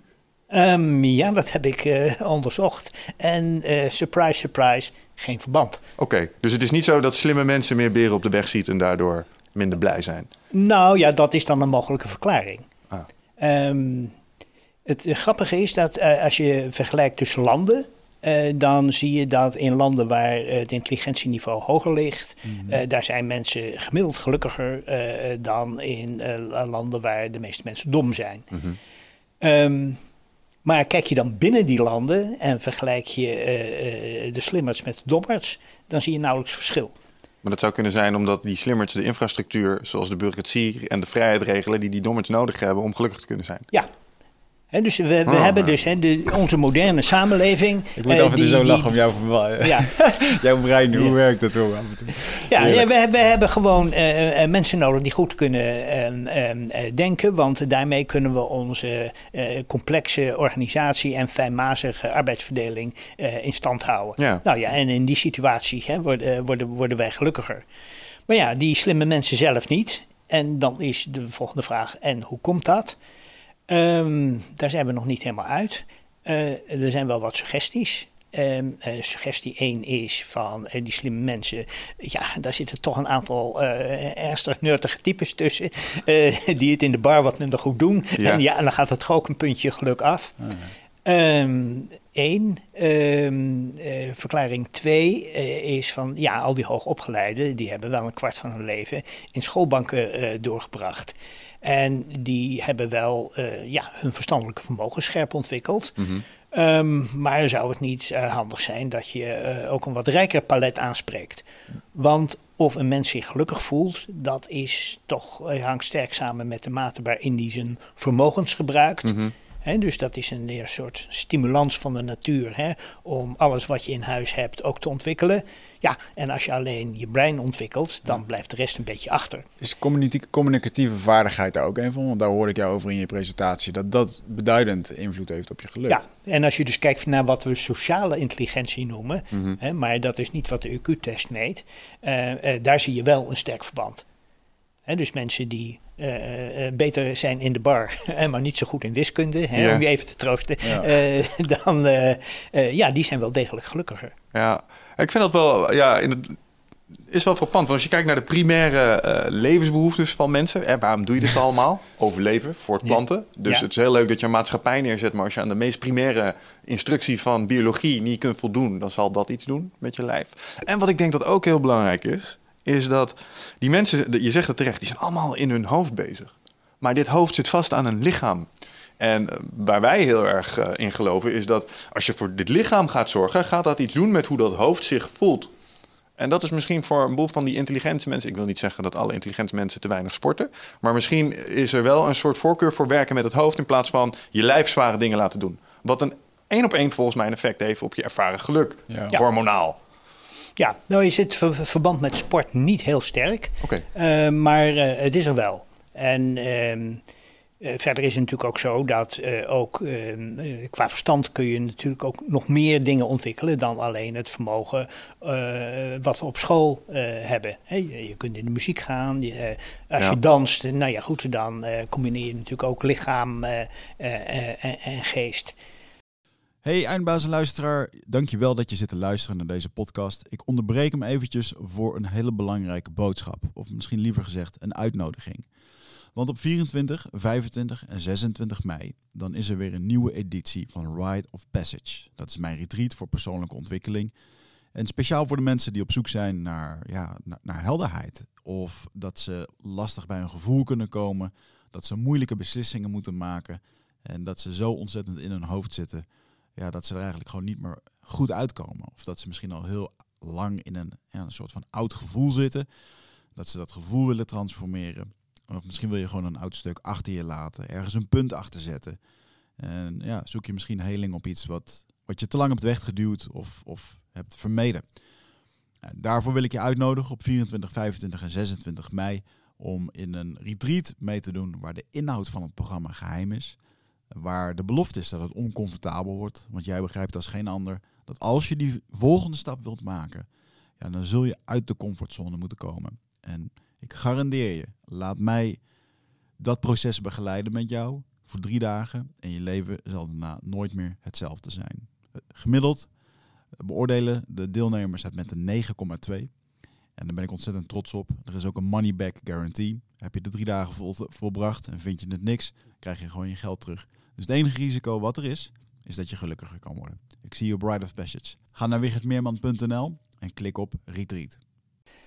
Kun je nog iets meer vertellen over wat, wat je net zei over dat, uh, het, het, sporten en het lichaam, dat dat minder effect heeft op geluk als, als je zou verwachten? Want wij zitten redelijk sterk van, ja, maar als je gaat trainen krijg je endorfines, krijg je de testosteron, je reguleert cortisol. Allemaal dingen die uh, ervoor gaan zorgen dat jij je beter voelt. Ja, dat dacht ik ook. En als je dus ook uh, gewoon kijkt van mensen die gelukkig zijn en je vraagt van sport je veel, dan zie je daar een stevig verband. Aha. Um, dat zou een omgekeerde weer kunnen zijn. Misschien sporten ze wel meer omdat ze zich beter voelen. Precies. En toen ben ik gaan kijken naar onderzoek um, met experimenten. Mm -hmm. Dan kun je mensen dus meer laten bewegen. Nou is dat vooral gedaan met depressieve mensen. daar werkt het. Um, maar er is eigenlijk niet zoveel onderzoek. En dat schaarse onderzoek wat ik gevonden heb... Mm -hmm. dat laat eigenlijk niet zo'n verband zien. Een, een van die merkwaardige dingen die ik zag bijvoorbeeld was uh, uh, bij sport. Um, dat de mensen op de tribune, die waren gelukkiger. Maar de mensen even, evenveel gelukkiger als de mensen die op het veld liepen te rennen. Ja. Uh, Dus als iemand een goal scoort, is diegene, die voelt net zoveel geluk als degene die staat te juichen. Ja, ja, ja dat is... Interessant. Nou, het, het kan zijn dat het onderzoek nog niet goed genoeg is, nog niet lang genoeg heeft gelopen. Maar het kan ook zijn dat het verband erg tegenvalt. Hmm. En dat ik zo weinig onderzoek vind, omdat er veel teleurstellende resultaten in de la liggen. Ja, precies. Het, het, het, het, bevestigt niet wat we hopen te vinden, dus we negeren deze uitkomsten maar. Ja. Hmm. Zijn er ook, um, want dat is wel een, een, een trend die tegenwoordig uh, ja, wel toeneemt, is minimalisme. Dus dat we afstand nemen van materie. Eh, dat we ons vrijer willen we eh, kunnen bewegen, minder grote footprint willen achterlaten, noem het op. Heb je daar enige, ehm, enige kijk op? Uh, ja, dat is ook het idee van het consuminderen en uh, het, het, sobere leven. Uh, nou ja, die aanbevelingen daarvoor die, vind je natuurlijk in alle tijden. Mm-hmm. En die waren natuurlijk met name functioneel in tijden dat we niet zoveel te makken hadden. Ja, nu hebben we wel veel te makken en nu is de vraag van, word daar nu ook gelukkiger van? Nou, gemiddeld genomen in ieder geval niet. Nee. als je dus kijkt naar het onderzoek tussen um, uh, geluk en uh, ja, zeg maar consumptie, ja, blijkt dat mensen die wat meer spullen hebben, die een groter huis hebben, die zijn gelukkiger. Ook als je dus hun inkomen weggerekent. Ja. En dus. Um, Hoe bedoel je dat? Dus nou, ik heb een groot huis, dat maakt mij gelukkig. Uh, ja, maar dan kun je zeggen van ja, maar dat komt niet omdat je in een groot huis zit, maar omdat je een hoog inkomen hebt, waardoor mhm. je dat huis kunt kopen. Ja. Nou ja, dan kun je statistisch kun je dat effect van het hoge inkomen uh, weghalen. En kun je kijken, is er dan nog uh, iets meer geluk bij mensen die ruim wonen? Ja, dat minder dan natuurlijk, mm maar er is wel zo. Hetzelfde geldt natuurlijk voor, voor huwelijk. Eh, ja, mensen met een groot huis, ja, eh, die zijn ook vaak met z'n tweeën.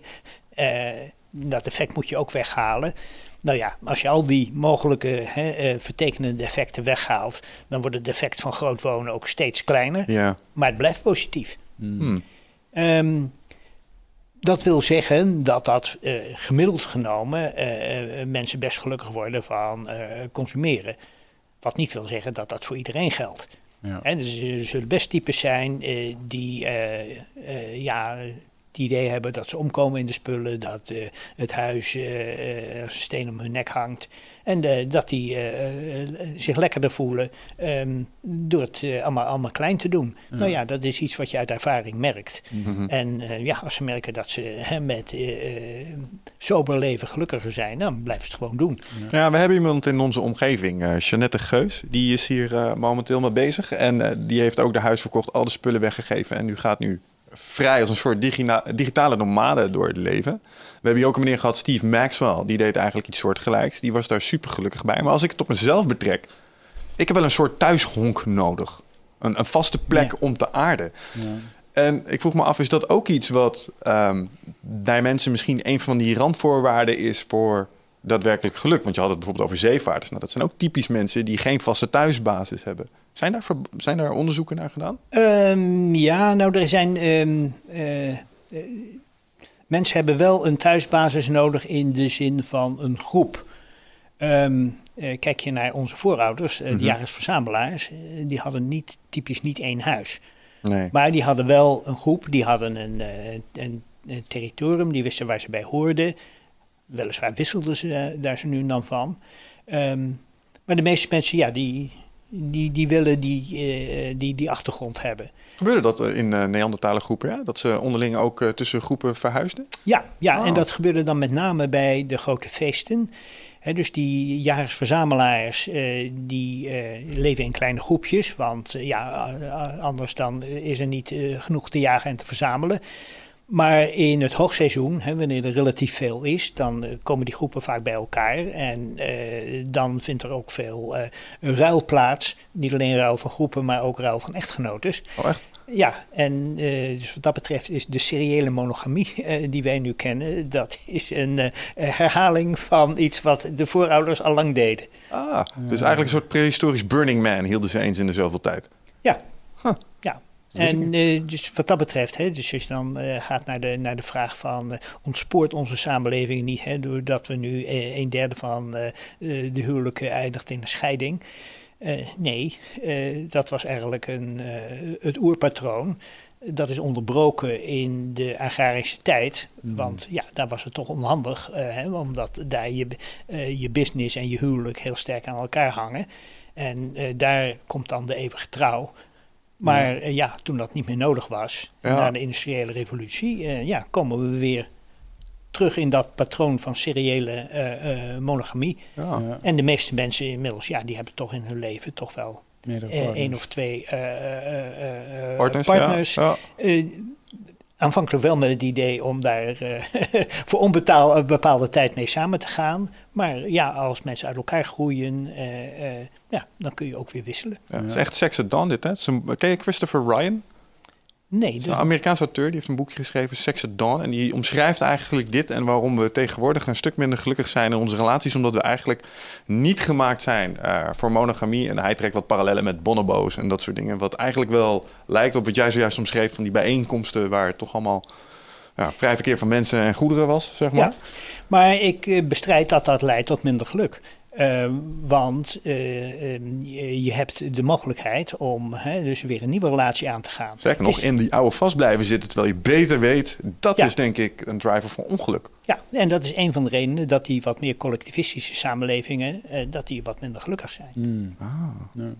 Het is natuurlijk zo dat eh, scheiding doet bij iedereen pijn. ja. En er zijn ook mensen die daar ja, duurzaam aan verliezen. Hè, en, eh, maar eh, ja, gemiddeld genomen eh, eh, neemt ook de huwelijkssatisfactie toe.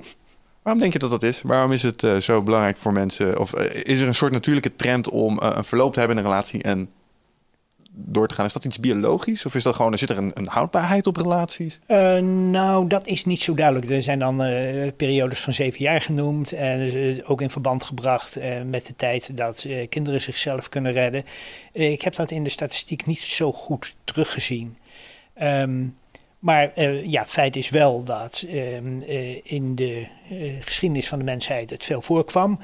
Uh, ja, bij jagers-verzamelaars kwam natuurlijk ook niet iedere jaar weer terug. Mm -hmm. hè, dus het, je zou kunnen zeggen, het was ook biologisch functioneel in, in onze evolutie. Mm -hmm. uh, inmiddels uh, leven wij ongeveer twee keer zo lang als de jagers-verzamelaars. Ja.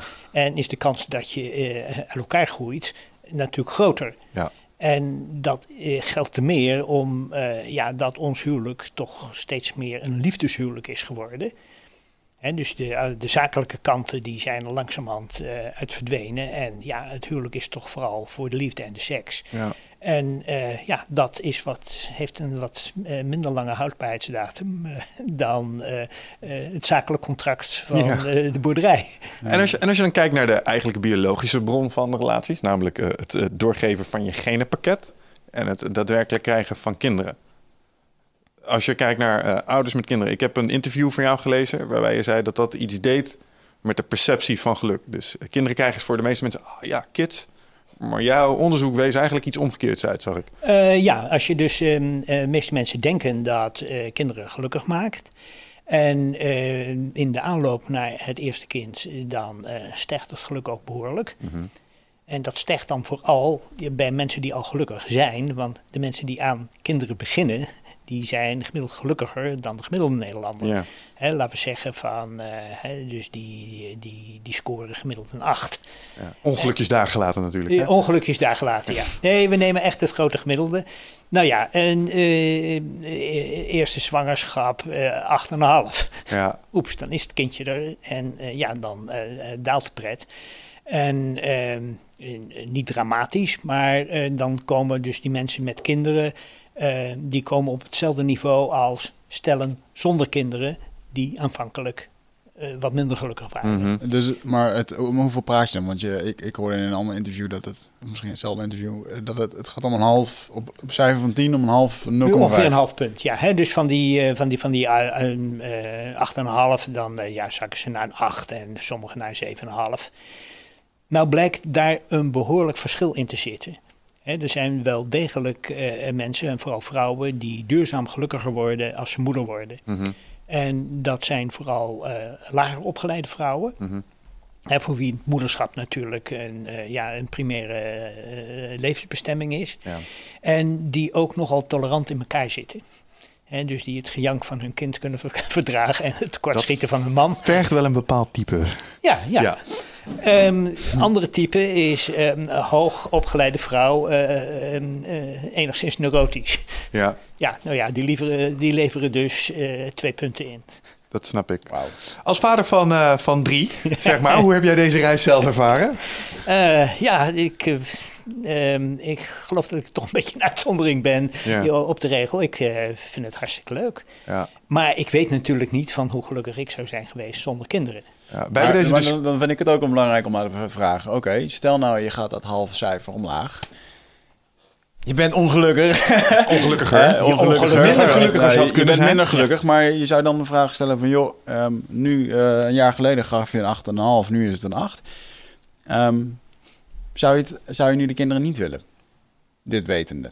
Als je Luister, hoe je je nu voelt. Dat is de discussie waar wij het over hebben gehad. Wij hangen in verschillende kringen als het gaat om vaders. Ja? Ik heb een groep jongens om me heen en daar praat ik wel eens mee. En die vraag ik wel eens: hey, als je het nu allemaal van tevoren had, had geweten, had je het dan alsnog gedaan? Ja. Waarvan sommigen zeggen: uh, ik moet nog vier jaar, dan is hij 18 en dan ben ik opgezouten, weet je wel. Ja. Uh, en sommigen die zeggen: nou ja, het is wel leuk, maar als ik het nu allemaal overnieuw mocht doen, nee, nee, echt niet. En uh, Biggert, die, uh, die heeft hele andere mensen om zich heen. En die zegt, ja, ja, wel zeker. Maar misschien praten wij ook alleen met mannen. Ja, maar dat vind ik, vind ik bijzonder, want ik heb wel de kinderwens. Jij hebt Ja. het minder. Niet. niet. En ehm, dus de mensen waar ik mee praat, joh, ik krijg de feedback die jij krijgt, dan denk ik, met wie zit jij te praten? Met doodongelukkige mensen die alleen maar in een huis zitten. Die... Of mensen die, mij niet, uh, die niet bang zijn om mij teleur Ja, maar- te stellen met hun antwoord. Want omdat ze denken dat ik vader wil worden, willen ze mij niet ontmoedigen. Maar Ja. Michel wil geen kids, dus tegen Michel kunnen we eerlijk zijn. Ja, dat, Ja. ja. weet ik niet. Ja, ik denk dat is dat een factor is. Jazeker. Ja.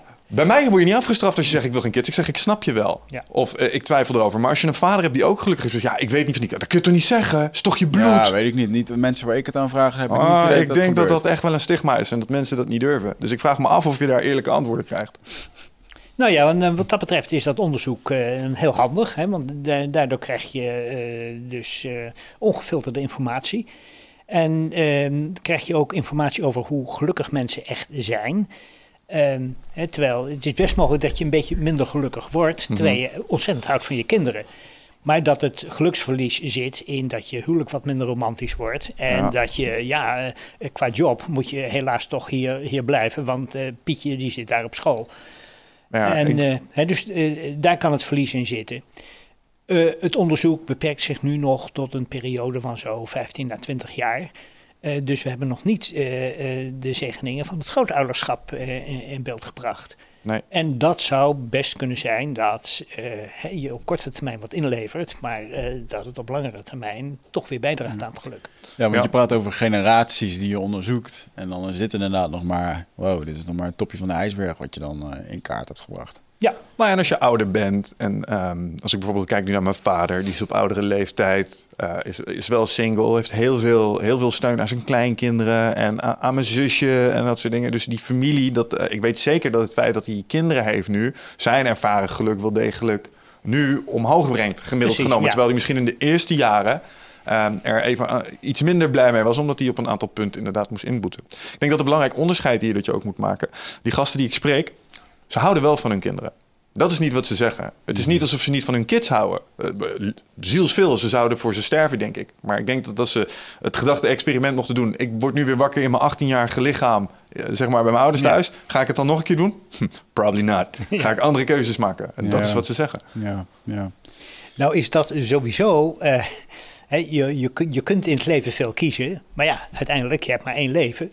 Eh, dus eh, eh, het idee dat je zou denken van... nou ja, als ik het over kom doen, probeer ik nog eens wat anders. Ja, dat past ook wel heel erg in de eh, moderne meerkeuzemaatschappij... waarin mensen ook kunnen kiezen. Ja. Mm, ja. Ja, je hebt nu misschien ook stiekem wel meerdere levens... ten opzichte van hiervoor. Je wordt vele malen ouder. Ja. Ik weet de gemiddelde levensverwachting is hoog momenteel. Je heeft twee keer, moet je voorstellen dat er zijn ooit mensen geweest die hebben gewoon maar de helft van de opties gehad die jij nu al had. Die waren Ja. nu al aan het eind van hun leven. Ja, Ja. is dat echt zo? Want dat is volgens mij zo'n misvatting. Hè? Dat de gemiddelde Neandertaler maar 30 werd. Volgens mij werd hij veel ouder. Nou ja, tussen eh, 30, 40 en eh, uit dat botonderzoek waar ik het eh, net even over had, daar blijkt dat die Neandertalers eh, of andere eh, eh, mensen, dat die, die eh, ja, vrij kort leefden, eh, maar wel in goede gezondheid. Hmm. Ja, maar goed, ja. dan was opeens het eten op of hier kwam een leeuw tegen. Ja. En eh, kijk je dan naar de, eh, de middeleeuwen, hè, de agrarische samenleving, ehm, dan leven ze ongeveer even lang, maar in aanzienlijk minder goede gezondheid. Ja. Ja, En ja. daar is hè, in die agrarische samenleving, hoewel ze meer voorraden hebben, Mm. is er toch ook meer chronische eh, ondervoeding, omdat er ook gewoon te veel mensen zijn. ja. En wat natuurlijk niet geholpen heeft, is, en dat, dat is me altijd bijgebleven aan geschiedenisles, is dat je in de middeleeuwen was je in Nederland als 12-jarige jongen was je al volwassen en klaar voor huwelijk. Dan Zo, ging- was je als? was je als jongen was je al, eh, was je bijna volwassen en moest je al gaan nadenken over, over trouwen en dat soort dingen. Hoe oud 12, werd- hoe 12 oud werd 13 je- jaar leeftijd. Hoe oud werden we in de middeleeuwen? 40, 60, 30. 50 Nou, jaar? ongeveer zo. Hè. Dus eh, Ja. er waren wel mensen die, die, die ouder werden, maar zo het, het gemiddelde lag eh, tussen de 30 en de 40 jaar. Ja, ja. Natuurlijk een hele hoge kindersterfte. Hij is niet oud, man. Nee. Mm, ja, en wat me ook verbaast is dat in de middeleeuwen... dat v- eh, volgens mij een van de redenen waarom eh, bier heel veel werd gedronken... was dat het, want het eigenlijk beter was om bier te drinken dan het vervuilde water. Ja.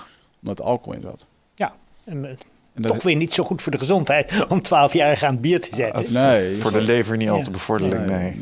Maar het punt wat je aanhaalt, dat is interessant, want ehm, eh, sociologen noemen dat de verlengde jeugd. Hmm. Hè, eh, tegenwoordig eh, worden wij later volwassen. We hebben meer tijd hè, om eh, op school te zitten, maar ook om dingen uit te proberen.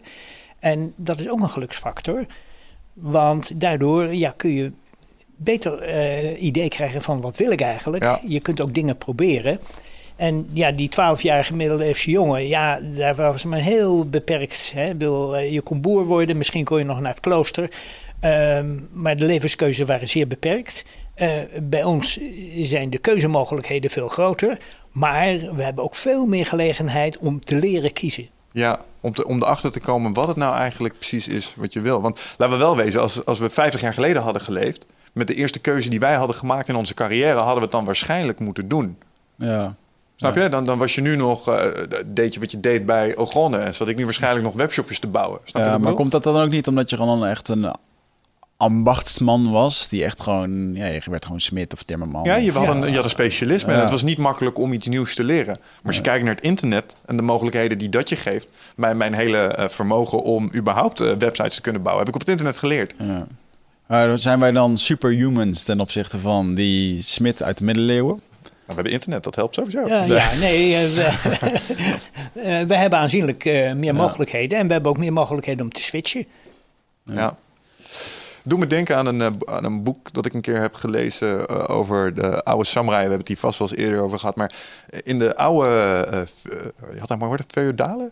Ja? Eh, Ja. eh, zeg maar Japanse ma- eh, samenleving ten tijde van de samurai was het eh, voor eh, de gemiddelde man was 42. Tussen de 40 en 42 was een leeftijd om voor het huwelijk te gaan eh, en een vader te worden. Maar niet veel eerder, want voor je 40ste was je als man eigenlijk in die filosofie nog onvolwassen. En ik, als iemand die de 40 begint te naderen en terugkijkt naar 10 jaar geleden, kan ik dat ergens misschien ook wel beamen. En zijn dat soort grote levenskeuzes, ik zou ze nu beter kunnen maken als 10 jaar geleden. Eh, dat is eh, eh, voor mij nieuw. Ik denk dat in die feodale samenleving eh 40 toch wel knap laat was, omdat de meeste mensen er al niet meer zijn. Maar goed, dan heb je natuurlijk wel een sterke selectie van eh, overlevers. En ja, in die eh, feodale samenleving met de voortdurende dreiging voor overbevolking, waren natuurlijk allerlei maatregelen om te zorgen dat het niet helemaal eh, uit de pan liep.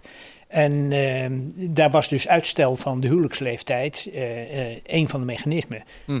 Nou lijkt naar je veertigste, dat lijkt me wel een, een Nee, vrij... ik weet het niet. Ik zit er net aan te denken of het echt zo oud is. Ehm, Japanners hadden natuurlijk wel sowieso iets uh, hoge gemiddelde leeftijd. Maar er stond, uh, ja, nee, er stond echt 40. En ik denk dat dat boek, wanneer zouden zijn die samurai gestopt? Uh, dat was 1700 of zo. Nee, iets later. Iets later? 1800. Ja. Ja, was, was de gemiddelde leeftijd toen ook nog zo laag? Um, ik, ik, schat van wel. Okay. Ik zou, zou, zou, het niet precies weten. Uh, verder moet je natuurlijk bedenken dat die samurai, dat waren beroepssoldaten. Hè? Mm -hmm. En uh, dan, ja, wanneer je nog echt helemaal in dienst bent, is het ook wat minder handig om te trouwen. Want de kans dat je niet meer terugkomt is natuurlijk vrij groot. Ja. En dus je zou je kunnen voorstellen dat naast de algemene tendens hè, om de huwelijksleeftijd uit te stellen en daarmee kinderen uit te stellen, uh, ook speelt dat je, ja, je moet uh, al voldoende verdiend hebben hè, om uh, een, een gezin te kunnen, kunnen bekostigen. Ja, Ja. die tijden waren ook vrij arm. Ja. Ja. Ik heb er ook nog wel een uh, vraag over. Ik heb vorig jaar uh, zes weken gespendeerd bij een Indianenstam in uh, Amazone. Uh, geen elektriciteit, helemaal afgezonderd van de buitenwereld. En uh, wat mij daar opviel was dat, of ik, ja, tenminste ik heb er ook veel over na zitten denken. Um, ik ben zelf een groot uh, beoefenaar van uh, jiu-jitsu. en om daar een beetje contact te maken met de kinderen, dacht ik van nou, ik ga een keer jiu-jitsu lesgeven. Ja. Toen probeerde ik dat met een gids enigszins uit te leggen dat dat over samurais ging. Nou, samurais hadden ze nog nooit van gehoord. Toen bedacht ik me in één keer, ja, die kinderen hebben hier nooit Amerika Ninja gezien of zo. Dat wisten ze echt niet. En ja, de ninja's uit, uh, of eigenlijk de Indianen uit Japan. Oh, oh, dat snapten ze dan wel. En toen zat ik daar eens naar te kijken. En ik denk, weet je, ik kijk op social media en dan kijk ik naar mensen die succes hebben behaald. En al die informatie die we krijgen. En voor die mensen, die kennen alleen maar het bos. En ja, je kan een mooie tooi maken of je kan een mooie uh, hut bouwen. Maar het bos gaat je, je weet exact wat het bos jou kan gaan geven. En um, daar zit een bepaalde simpelheid aan ook hun manier van leven is dat de vrouwen zorgen voor de mannen, voor de kinderen, voor het eten.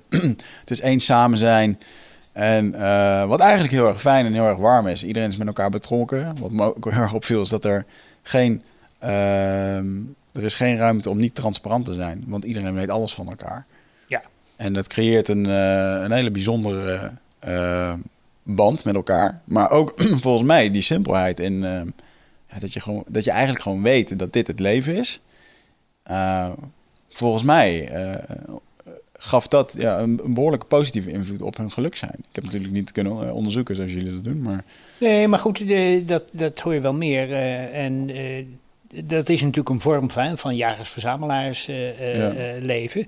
Eh, wat ja, misschien heel simpel oogt, maar dat is toch wel best ingewikkeld om je zo in leven te houden. Oh, zeker. Of En, hard werken eh, daar. ja. ehm, en ehm, ja, het is toch wel duidelijk dat dat een meer bevredigende levenswijze is dan eh, op een akkertje aardappels verbouwen. En daarom zie je ook dat in de geschiedenis, eh, dan worden mensen ze nu dan toch ja, meer door de bevolkingsdruk gedwongen om eh, eh, eh, aardappels te gaan verbouwen. Hè? Dus in de, in de agrarische richting gedwongen. Maar dat er ook weer vaak bewegingen terug zijn eh, als dat mogelijk is. Ja. En eh, er wordt ook wel gezegd hè, dus dat het, eh, het verhaal van de verdrijving uit het paradijs Mhm. eh, eigenlijk deze omslag in de mensheid eh, eh, illustreert. Ah, Dat- En dat het eigenlijk hè, dus de mens gelukkiger was als jager-verzamelaar. Hè, dus eh, bij jou levend in het bos, dan werkend in het Zweeds zijns aanschijns op, op, op de akker. Ja, dat vind ik ook interessant dat je het zegt. Indianen in hun eh, mythes en verhalen, je het hebt over hemel en aarde en dat soort dingen, ehm, volgens hun is het paradijs is gewoon hier waar je nu leeft. Ja, Het nou is ja. jouw eigen keuze wat je daarvan maakt. En eh, het is niet elders te zoeken of eh, door veel te bidden om daar uiteindelijk te komen. Ja, nee, je zou kunnen zeggen, van, eh, dat zijn de omstandigheden waarin wij als soort geëvolueerd zijn. Ja, en geen wonder dat dat aardig past. Ja. Hoe kan het dan dat als we kijken naar eh, de geluksindex en we zien de minder georganiseerde, minder ontwikkelde landen lager scoren, dat de minst georganiseerde vorm dan blijkbaar weer hoger scoort? Ja, je zou kunnen zeggen, hè, want die, die jagers-verzamelaars, nou ja, goed, zo- zijn wij ontwikkeld. Eh, daarna zijn wij eh, ja, door de techniek en de sociale evolutie in andere situaties geraakt. En ja, niet al die latere maatschappijen, die lijken evenveel op de condities die het jagers-verzamelaarsbestaan bood. Hmm. Ah, En dan eh, zou je kunnen redeneren van, nou ja, hè, dus die moderne eh, samenleving, weliswaar met al zijn hoge gebouwen en, en bureaucratie, ja, die laat toch eh, een behoorlijke mate van eh, vrijheid toe, waarin je dus rond kunt struinen. Mhm. En ja, weliswaar eh, eh, jaag je nu niet eh, eh, eh, op zebra's, maar je bouwt websites. Maar eh, je kunt hier toch ook redelijk je eigen weg zoeken en eh, eh, ja, bent minder gedwongen door anderen. Ja. ja. En dan zeg je van ja, iedereen eh, ja, die kent elkaar. En eh, er is natuurlijk eh, bij de jaarsverzamelaars ook een behoorlijke sociale controle. Ja, maar als je je niet bevalt kun je wel weg. Mhm. En dat gebeurt ook. Hè? Ah. Onder andere hè, dus bij die, die feesten waar mensen dan groepen samenkomen. Daar vindt dan wisseling plaats. En ja, als je het niet zo eh, lekker vindt in de groep, nou, dan kun je ook nog eh, redelijk zelf overleven. Vraag over die uitwisseling. Was Ja. dat vrijwillig voor de vrouwen? Geen idee. Eh, ik heb deze wijsheid ook maar eh, uit antropologieboeken. Ja. Ik ben er niet zelf eh, bij nou, geweest. omdat ik weet dat eh, die roverschilders waar je het over had, eh, die kwamen meer halen als alleen eten. Een van de meest gewilde eh, zeg maar, dingen om te roven waren vrouwen. Ja, maar nu hebben we het over de feodale samenleving. Dat- dat waar- snap ik, Waarin maar- zich al zo'n krijgersklasse Nee, heeft maar ik vraag me ook even af hoe dat... Ik heb Ap- Apocalypto ook gezien. Ik bedoel, Ja, er kwam er ook gewoon een vijandige stam binnenlopen en die nam alles mee. Ja. ja. En dat gebeurde natuurlijk ook. Hè, jagers-verzamelaars die hadden ook hun oorlogen. Ja. En met name over, het, eh, over gebieden, daar zullen ongetwijfeld ook vrouwen geroofd en verkracht zijn. Hè, dat is van alle tijden. Alleen dat was in die agrarische samenleving veel sterker. Oké. Ja, wat ik daar zag is dat mensen ook wel gewoon eh, scheiden. Er waren daar mensen van eh eh 13 die gingen samenwonen. Dat is dat voorbeeld wat je eerder aanhaalde. 13. Eh, ik werd daar, eh, mijn eten werd gekookt door een eh, meisje, eh, Nashima, die had vier kinderen. Die was 20 jaar. En eh, Mother of die had, gewoon, op 20. eh, ja, die had gewoon kinderen rondlopen waar ik mijn gesprekje mee kon voeren. Dus die was er vroeg bij, eh, bij wijze van spreken. En ook wel verhalen van mensen ja, die vroeger bij elkaar waren geweest, uit elkaar waren geweest. Het weggaan, dat gaat dan wel van dezelfde stam, maar tussen verschillende dorpen. Want vaak is het toch zo dat je met een paar families in een dorpje woont. Laat dat zeggen, vijf, zes families wonen in een dorp. En dan heb je weer een paar andere dorpen en zo. Ehm, ja, het is toch bijzonder hoe dat het, eh, hoe dat het werkt. En ik denk dat er ook een heel groot... En dat vind ik ook een hele bijzonder. Dan koppel ik het ook even terug naar het bedrijfsleven waar wij willen staan. Dan stel ik vaak de vraag van... joh, ehm, wie is er op dit moment eh, gelukkig met zijn baan? En steekt iedereen zijn hand op. En als ik dan vraag, als je morgen iets anders mag doen... tijd en ruimte maakt niet uit... zou je dan nog steeds hetzelfde doen? En dan steek ik vaak alleen de manager en de CEO hun hand op. en voor mij is dat een heel eh, duidelijk... eh, eigenlijk trek ik daar de conclusie uit... dat we heel erg goed zijn in het accepteren dat het wel oké is. We hebben een bepaalde mate van gemak waarmee alles gaat. Ik denk dat het ook voor die Indianers is. Want ja, je weet dat het zo is. Je weet dat je straks lekker gaat speervissen of dat je je dingen gaat doen. En dat is gewoon het leven, zeg maar. Is dat iets wat je herkent in jouw onderzoeken? Ehm, ja, ik, ik herken wel dat, ehm, eh, eh, dat mensen zich lekker, lekker voelen als ze dus een, eh, een overzichtelijk eh, eh, ritme hebben. Ehm, maar eh, ja, dat het eh, niet altijd even leuk is. En eh, eh, als je er iets eh, blijft zitten in zo'n patroon, hè, terwijl het eigenlijk niet leuk meer is, ja, dan, eh, gaat, eh, dan drukt dat de pret. Ja. En eh, dan ja, loont het, eh, gemiddeld in ieder geval, eh, om te switchen. Ja. Ja, omdat je een bron van van- verveling in je leven hebt geïntroduceerd. En dat, gaat, dat is een stressor, denk ik. Verveling. Je hebt burn-out, maar je hebt ook bore-out. Mensen Ja. die gewoon gek worden van de verveling.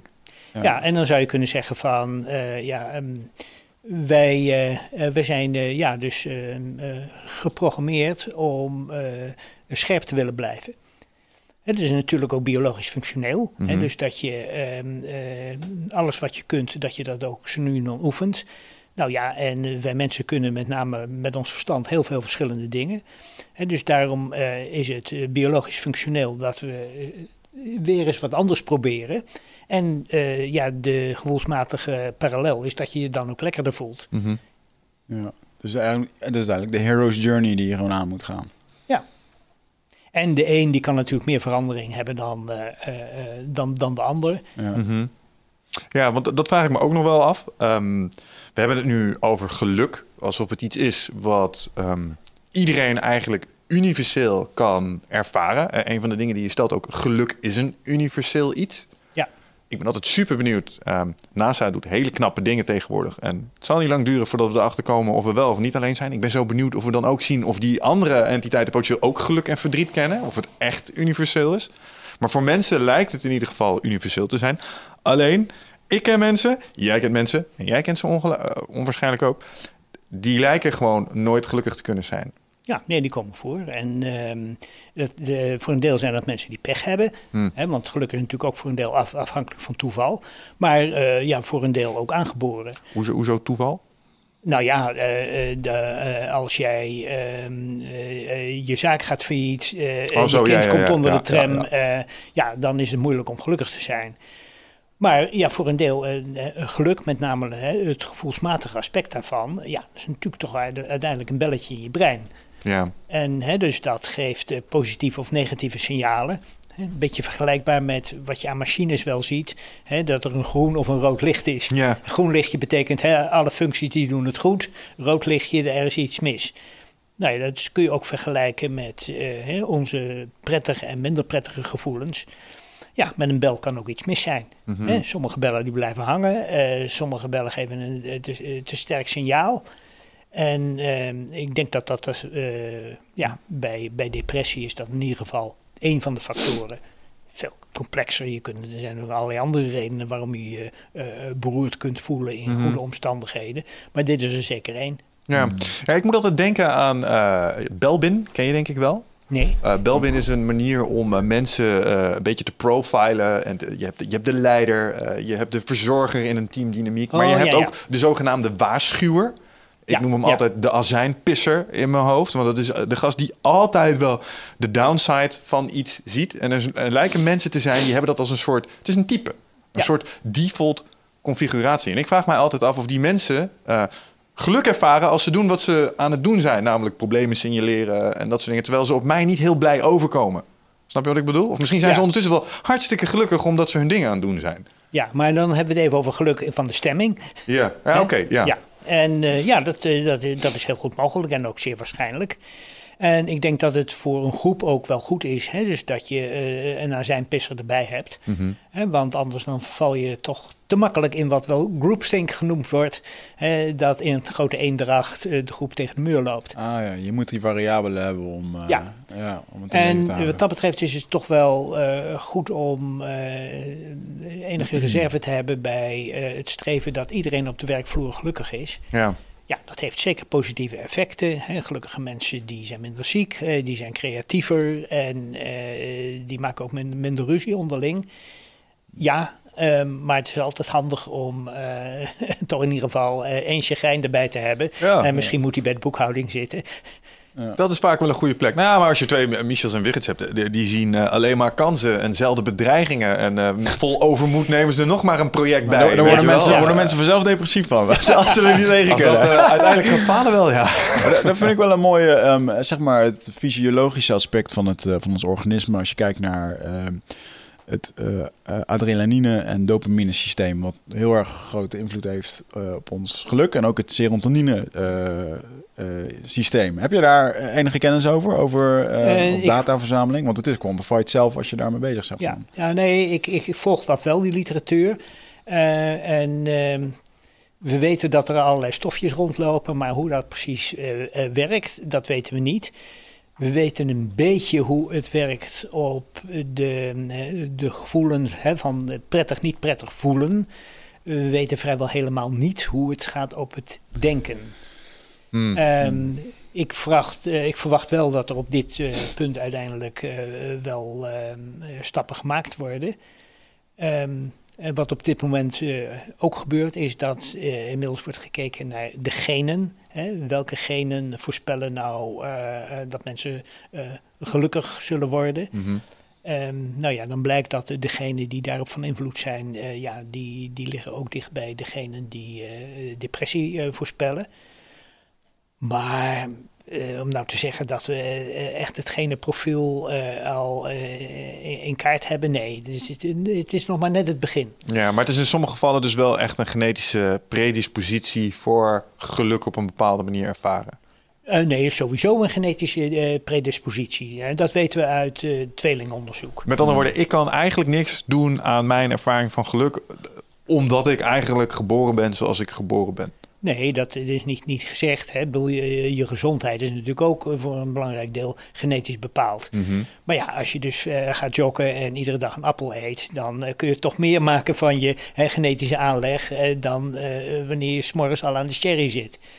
En, eh, Ja. Niet goed? Ja? ja, nou ja, en dat geldt voor geluk ook. Ik ga een glaasje en- water geven. ja, de genetische component is ook vergelijkbaar. Hmm.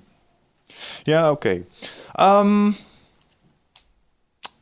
Wigert gaat even water halen. D- Dat bracht mij even van mijn apropos. Want wat je, ehm, nou, waar je het eigenlijk eens over hebt, is dat eh, sommige mensen die hebben een soort aanleg eh, voor depressie. Andere mensen die hebben een aanleg voor optimisme. Er komen overigens wat eh, interessante ehm, therapieën aan. CRISPR is er één van, waarbij we dat soort switches eigenlijk genetisch gezien ehm, aan en uit kunnen zetten.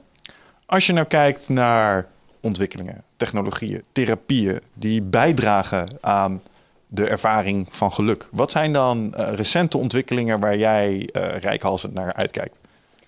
Nou ja, ik kijk wel uit naar die ehm, eh, genetische dispositie. Ehm, dat zal in ieder geval ehm, eh, ons duidelijker maken wat de ruimte is voor zeg maar socialisatie, hè, voor opvoeding. Ehm, en ja, net zo goed als je, eh, hè, dus die genetische analyse, eh, die willen we om tailored met sign mogelijk te maken. Mhm. Hè, jij krijgt een pil die bij jouw eh, profiel past. Zou ik me ook kunnen voorstellen dat je dan ook beter zichtbaar kunt maken welke therapieën, maar misschien ook welke levensstijlen hè, het beste passen bij mensen. Ja. Kijk, nu moet je dat nog een beetje uitzoeken door eh, trial and error. Ja. Hè, of eh, gebruik maken van de gelukswijzer hè, om te kijken van hoe andere types dat doen. Eh, als je al hè, dus, genetische aanwijzingen krijgt, nou ja, dan wordt dat proces nog een beetje makkelijker. Ja, ja ik denk dat daar wel een. ik denk dat je verschillende groepen binnen je populatie op een andere manier kunt helpen bij eventuele problemen die ze hierbij hebben. Wat zijn hele succesvolle methoden die momenteel worden ingezet om mensen daarin te ondersteunen? Nou ja, er is eigenlijk ehm, niet zo gek veel ehm, eh, aan, aan echt nieuwe methoden. Ehm, Maar proven concepts zijn ook perfect. Wat bedoel je? Een iets wat al bestaat al een tijd, al Ja, bestaat al nou ja, jaren. wat, wat natuurlijk eh, be- bestaat gewoon ons heel opvoedingssysteem. Hè, van eh, eh, leer jezelf kennen. Ehm, nou ja, dat kun je natuurlijk ehm, eh, in eh, psychologische trainingen, hè, kun je daar een eh, schepje bovenop doen. Mhm. Nou ja, we hebben inmiddels de zogenaamde positieve psychologie. En eh, die is weliswaar vrij jong, hè, maar die probeert dus inderdaad eh, oefeningen eh, te ontwikkelen. Hè, waarmee je beter in kaart brengt van eh, ehm, eh, waar je sterke kanten liggen. Mhm. Ehm, eh, die je ook helpt om beter te monitoren van waar je je meer of minder lekker bij voelt. Ze maken vooral, ehm, eh, zijn ze bekend geworden met de oefeningen om je sociale vermogen te, eh, bewerk- eh, te versterken. Zogenaamde dankbaarheidsoefeningen. Mhm. Nou ja, daarvan denk ik dat is, dat is, dat is leuk. Dat, dat werkt ook wel. eh, al zijn de resultaten niet verpletterend. Ehm, ik zou graag zien dat vooral wordt gekeken van wat werkt nou eigenlijk voor wie. Ja. Net zo goed als je tailored medicijn hebt. Hè, niet iedereen reageert goed op aspirine bij hoofdpijn. Ja. Ja. moet je ook kijken van ja, welke therapietjes die zijn nou eigenlijk eh, effectief eh, bij wat voor mensen. Kun je iets meer over die dankbaarheidsoefeningen vertellen waar je het over had? Nou ja, dat ehm, eh, sluit aan bij het gegeven dat eh, je bent gelukkiger als je een goed contact hebt. Mhm. En eh, ja, eh, veel mensen die eh, breken hun contacten af omdat ze verongelijkt zijn. En ja, dan is het handig als je dus wel leert realiseren dat je eigenlijk aan je vrienden en aan je ouders veel verschuldigd bent. Mm. Ehm, ik kan me best voorstellen dat dat bij een aantal mensen heel goed helpt. Ja. Maar niet voor iedereen. Hè. Ik zou bijvoorbeeld hè, overlevers van de Holocaust niet aanraden om een brief aan Adolf Hitler te schrijven van ik ben u zo dankbaar.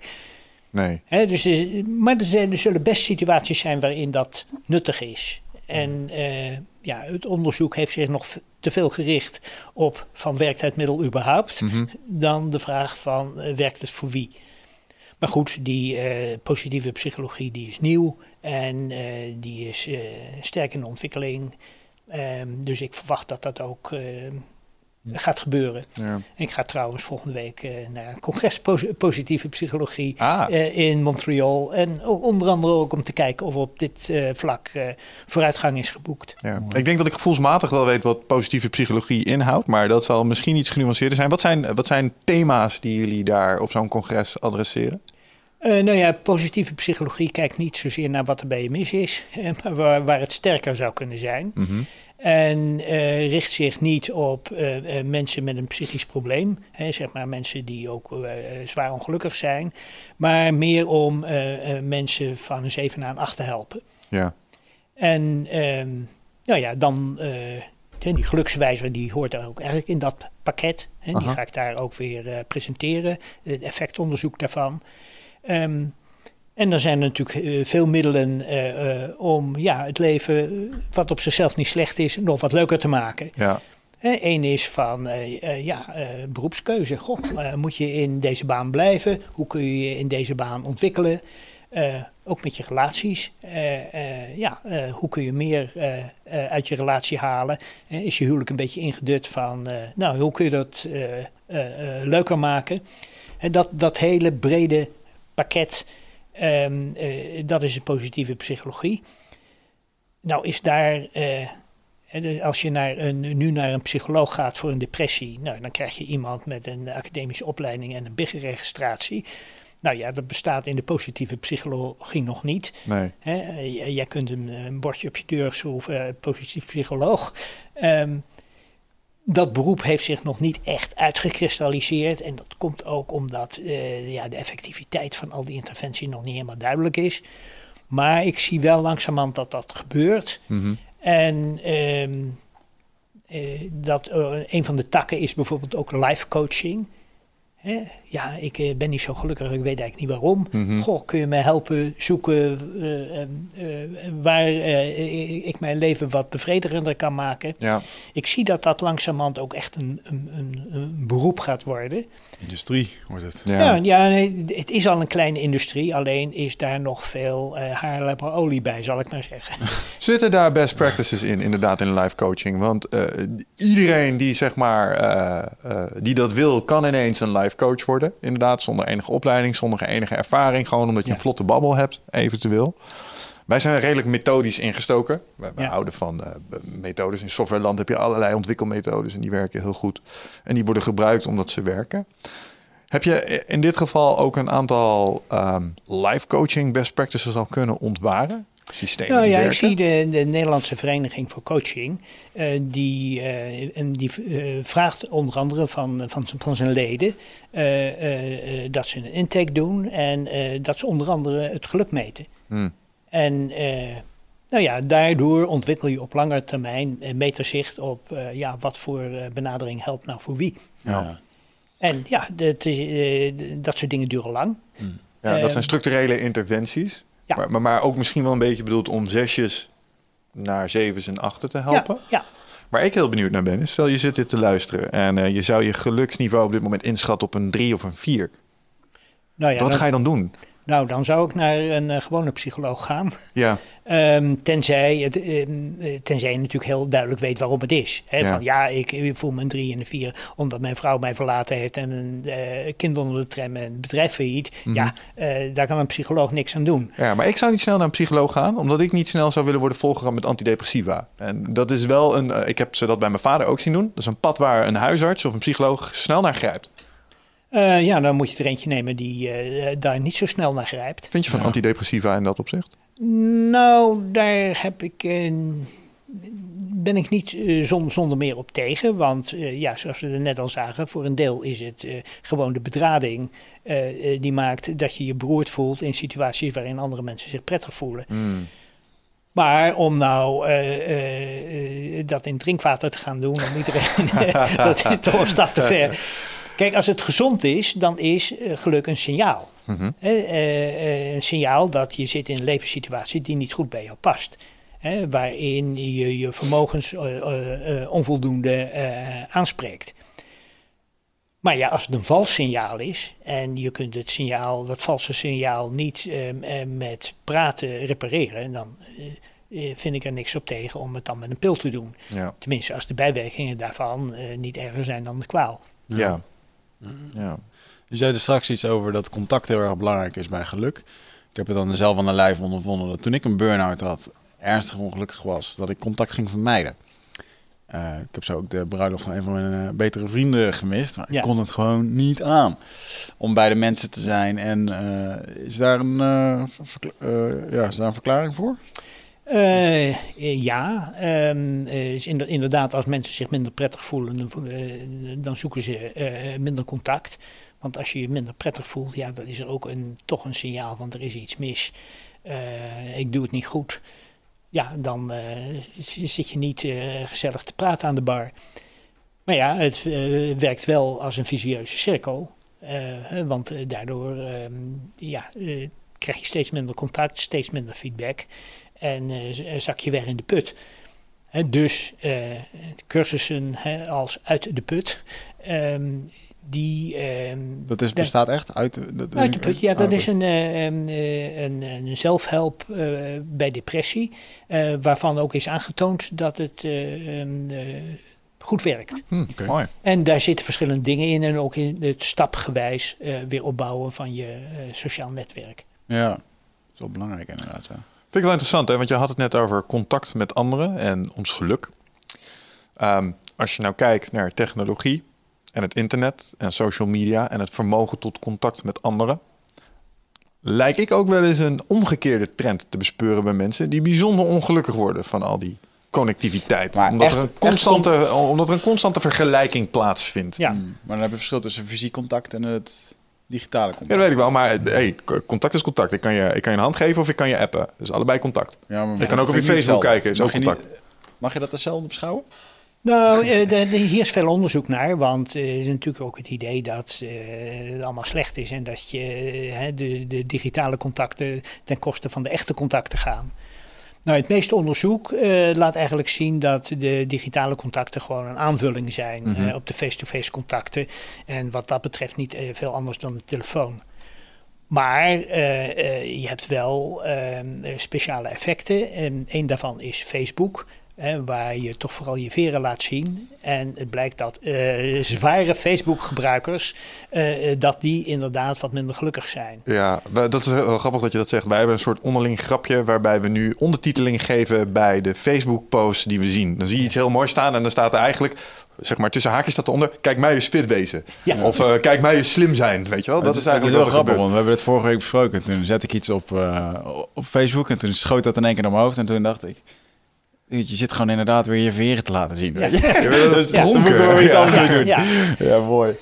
Ja, dus... eh, Maar dat eh, mag je- ook, Je, je, hebt, je hebt ook wel van, hè, dus dat, eh, hoe noem je dat? Hè, dat mensen s'avonds wandelen en dus in hun mooiste kleren. Flaneren. Flaneren, ja. Het is eh, digitaal flaneren. Ja. ja. Maar goed, ehm, eh, ja, dus die hele zware gebruikers, eh, ja, die zien vooral dat andere mensen mooiere veren hebben dan zij zelf. En ja, Mhm. dat is niet zo goed voor je zelfwaardering. En zoals we eh, al besproken hebben, lage zelfwaardering is niet zo goed voor je geluk. Dan heb je ook nog ehm, eh, de types die een beetje vergelijkbaar zijn met de boekenworm. Ehm, ja, die komen gewoon het huis niet uit. Mhm. En die hebben alleen maar digitaal contact. Ja, dat zijn natuurlijk ook niet de meest gelukkige types. En eh, die, die verleren het eh, sociaal contact. Ja, die missen toch ook eh, een aantal dingen die je wel in het face-to-face contact hebt en niet op het scherm. En dat zal dan ook vooral zijn de correctie die je van elkaar krijgt. Ah. Want ja, sociaal contact is niet alleen gezellig. Hè. We hebben natuurlijk van nature een behoefte aan sociaal contact. Maar we houden elkaar ook een beetje op de rails. Ja. Een van de redenen dat eh, ja, gehuwden gelukkiger zijn dan ongehuwden.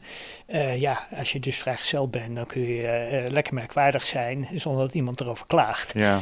Maar als je een relatie hebt, ja, dan zegt je vrouw er wat van. En als je merkwaardig blijkt, dan gaat ze met de deuren slaan. Ja.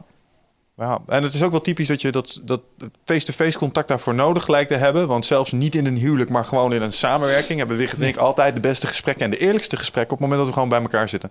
Ja, Omdat die feedback ook veel eh, duidelijker is. De non-verbale communicatie. En ik, ik kan aan zijn gezicht zien en aan zijn houding. Nu kan ik dit onderwerp aansnijden, want hij is ontvankelijk voor. Eh, en dat kan je de telefoon niet altijd zien, denk ik. Nee. Of via chat. Of, eh, Via wat de apps is. of wat dan ook. Ja, Ja. Je wil niet weten hoeveel mensen hoofdpijn hebben omdat er dingen compleet langs elkaar heen gaan in de WhatsApp. Ja, Iedereen heeft ruzie gehad met zijn vriendin of vriend omdat dingen niet begrepen werden en de knipoog die erbij Ja. gaf niet, niet gesnapt werd. Ja, ik had laatst ook iemand die over de zeik ging over een eh, eh, WhatsApp-groep van de werk, waar dan wat dingen in werden gezegd. En er zit altijd de botte boer bij die een grap maakt, waar de ander eh, echt eh, stijf van bed Ja. ligt, eh, wakker te liggen. Ja, en als ze met z'n allen in een kamer hadden gezeten, was dat niet gebeurd.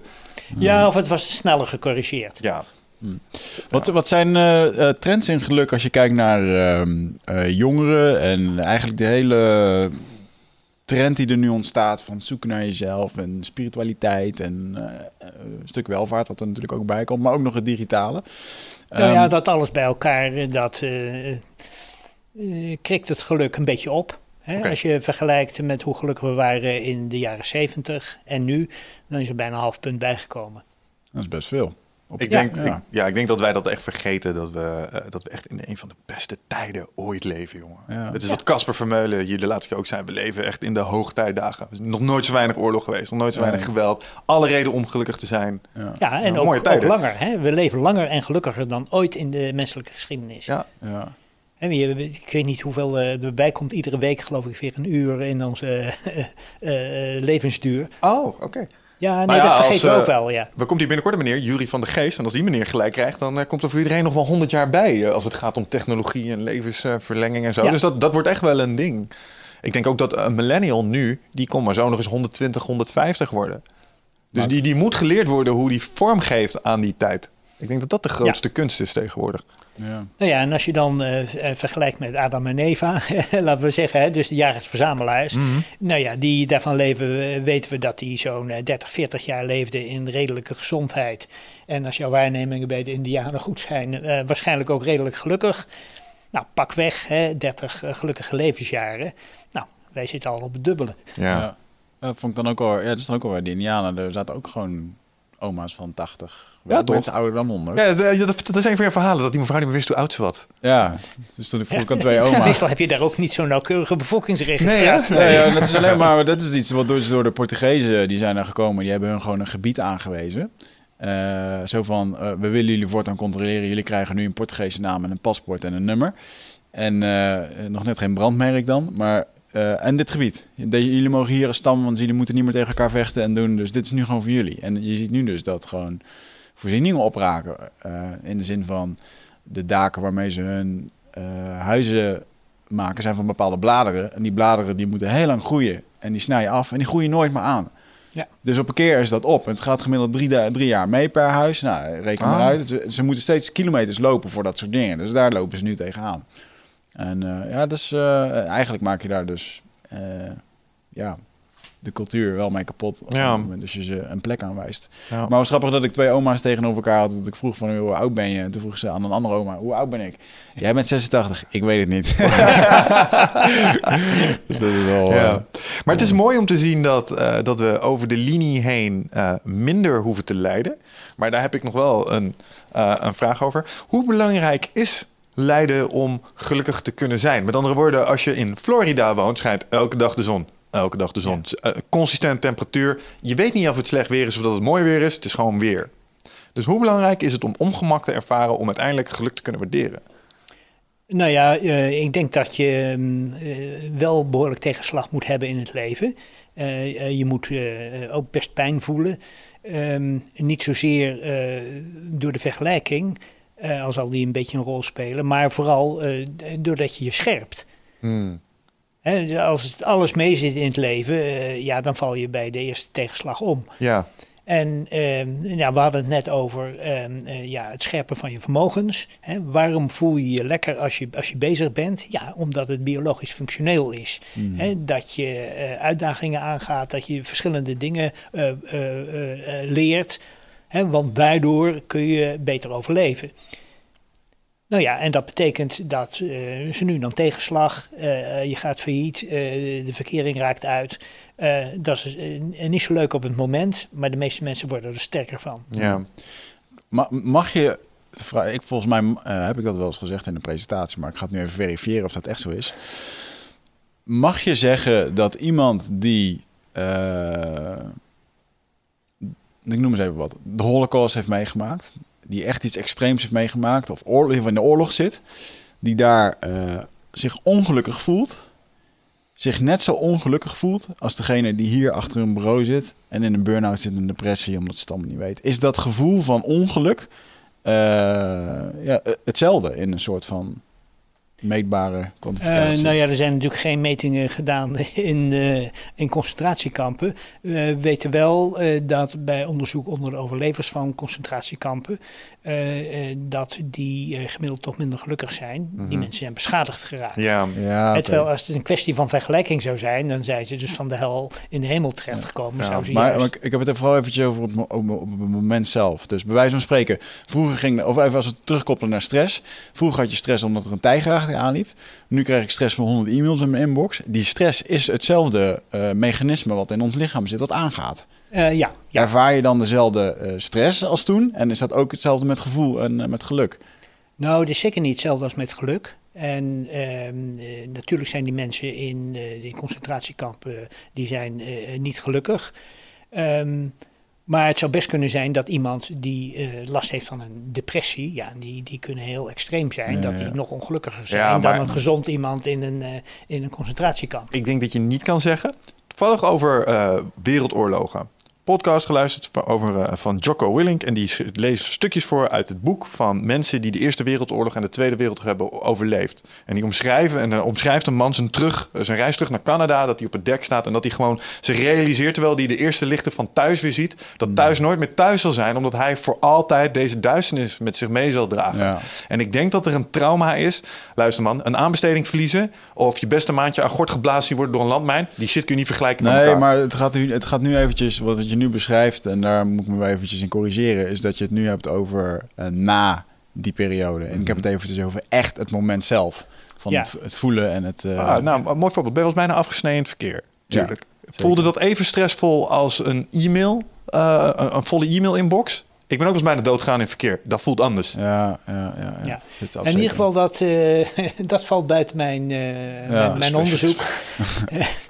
Dan moet je echt helemaal eh, precies op het mo- moment zitten. En eh, ja, als er dan echt eh, stress is, dan heb je toch niet de tijd om te vragen oké. van eh, hoe voel je je nu? Ik snap voor het onderzoek dat het, voor onderzoek dat het makkelijk is om op lange termijn en het Ja. eh, ook duidelijker in kaart te brengen. Ik weet wel waar jij op doelt, omdat we hebben hier ook een keer een meneer gehad, ja, Bressers, hoge dwarslesie naar het duiken in de zee. En die zei ook van, ja, maar, want mensen vinden hem altijd heel zielig. Hij zegt, maar ik wil niet ruilen met jou, want jij hebt ook ellende gehad. En die is eh, relatief gezien even eh, moeilijk als wat ik heb meegemaakt. Eh, Maar jij hebt misschien het gebruik van je benen nog wel, maar je hebt hele dingen meegemaakt. Ik zou er echt niet mee willen ruilen. En in dat opzicht zei hij eigenlijk, dat is gelijk aan elkaar. Ja, Maar ja. er zijn natuurlijk excessen, hè, zoals echt... eh, Ja, ik noem het nu ook misschien te extreem. Maar, in principe denk ik zeker ja. dat een, de pijn van mij omtrent iets evenveel pijn denk geeft als bij jou omtrent iets Ja. van hetzelfde niveau. En waar, joh, waar lopen wij om de zeuren hier in Nederland, weet je? ja.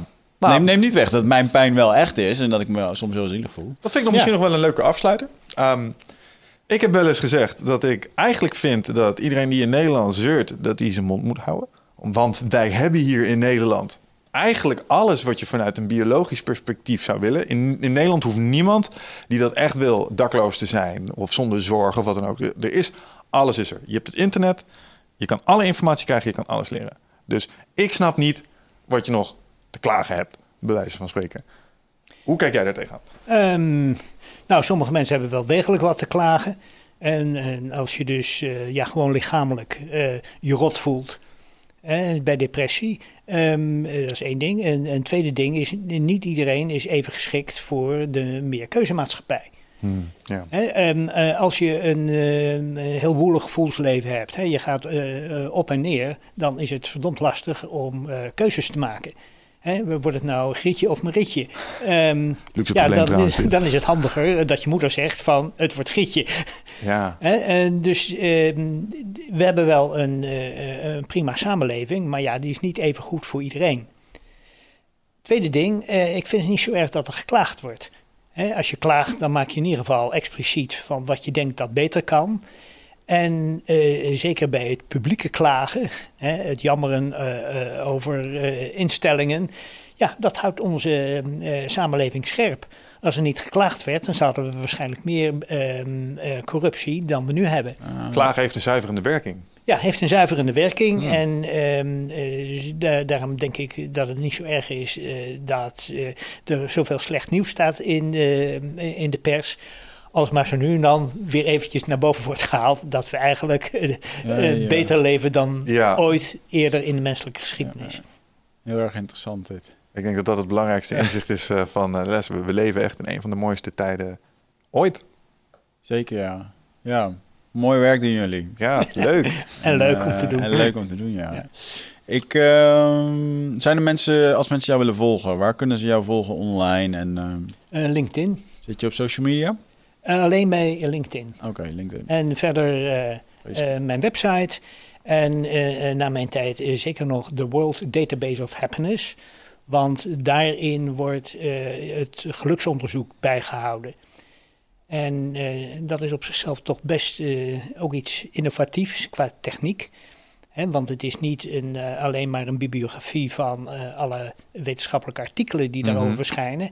Nee, het is een findings archive. Hè, uit die wetenschappelijke publicaties, daar lichten we de, ja, de findings, hè, de, Ja. de, de feiten. Hmm. Eh, bijvoorbeeld eh, van eh, ja, hoe gelukkig waren mensen in Koevoorde in 1950.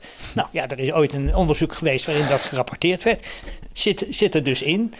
En dus dat zijn de zogenaamde distributional findings. Hè, van eh, hoe groot is het gemiddelde, de standaarddeviatie. Hmm. En dan hebben we, nou, ja, daar hebben we er nu zo'n eh 10.000 van. Ja. Hè, merendeel eh, gemiddelde eh, over landen.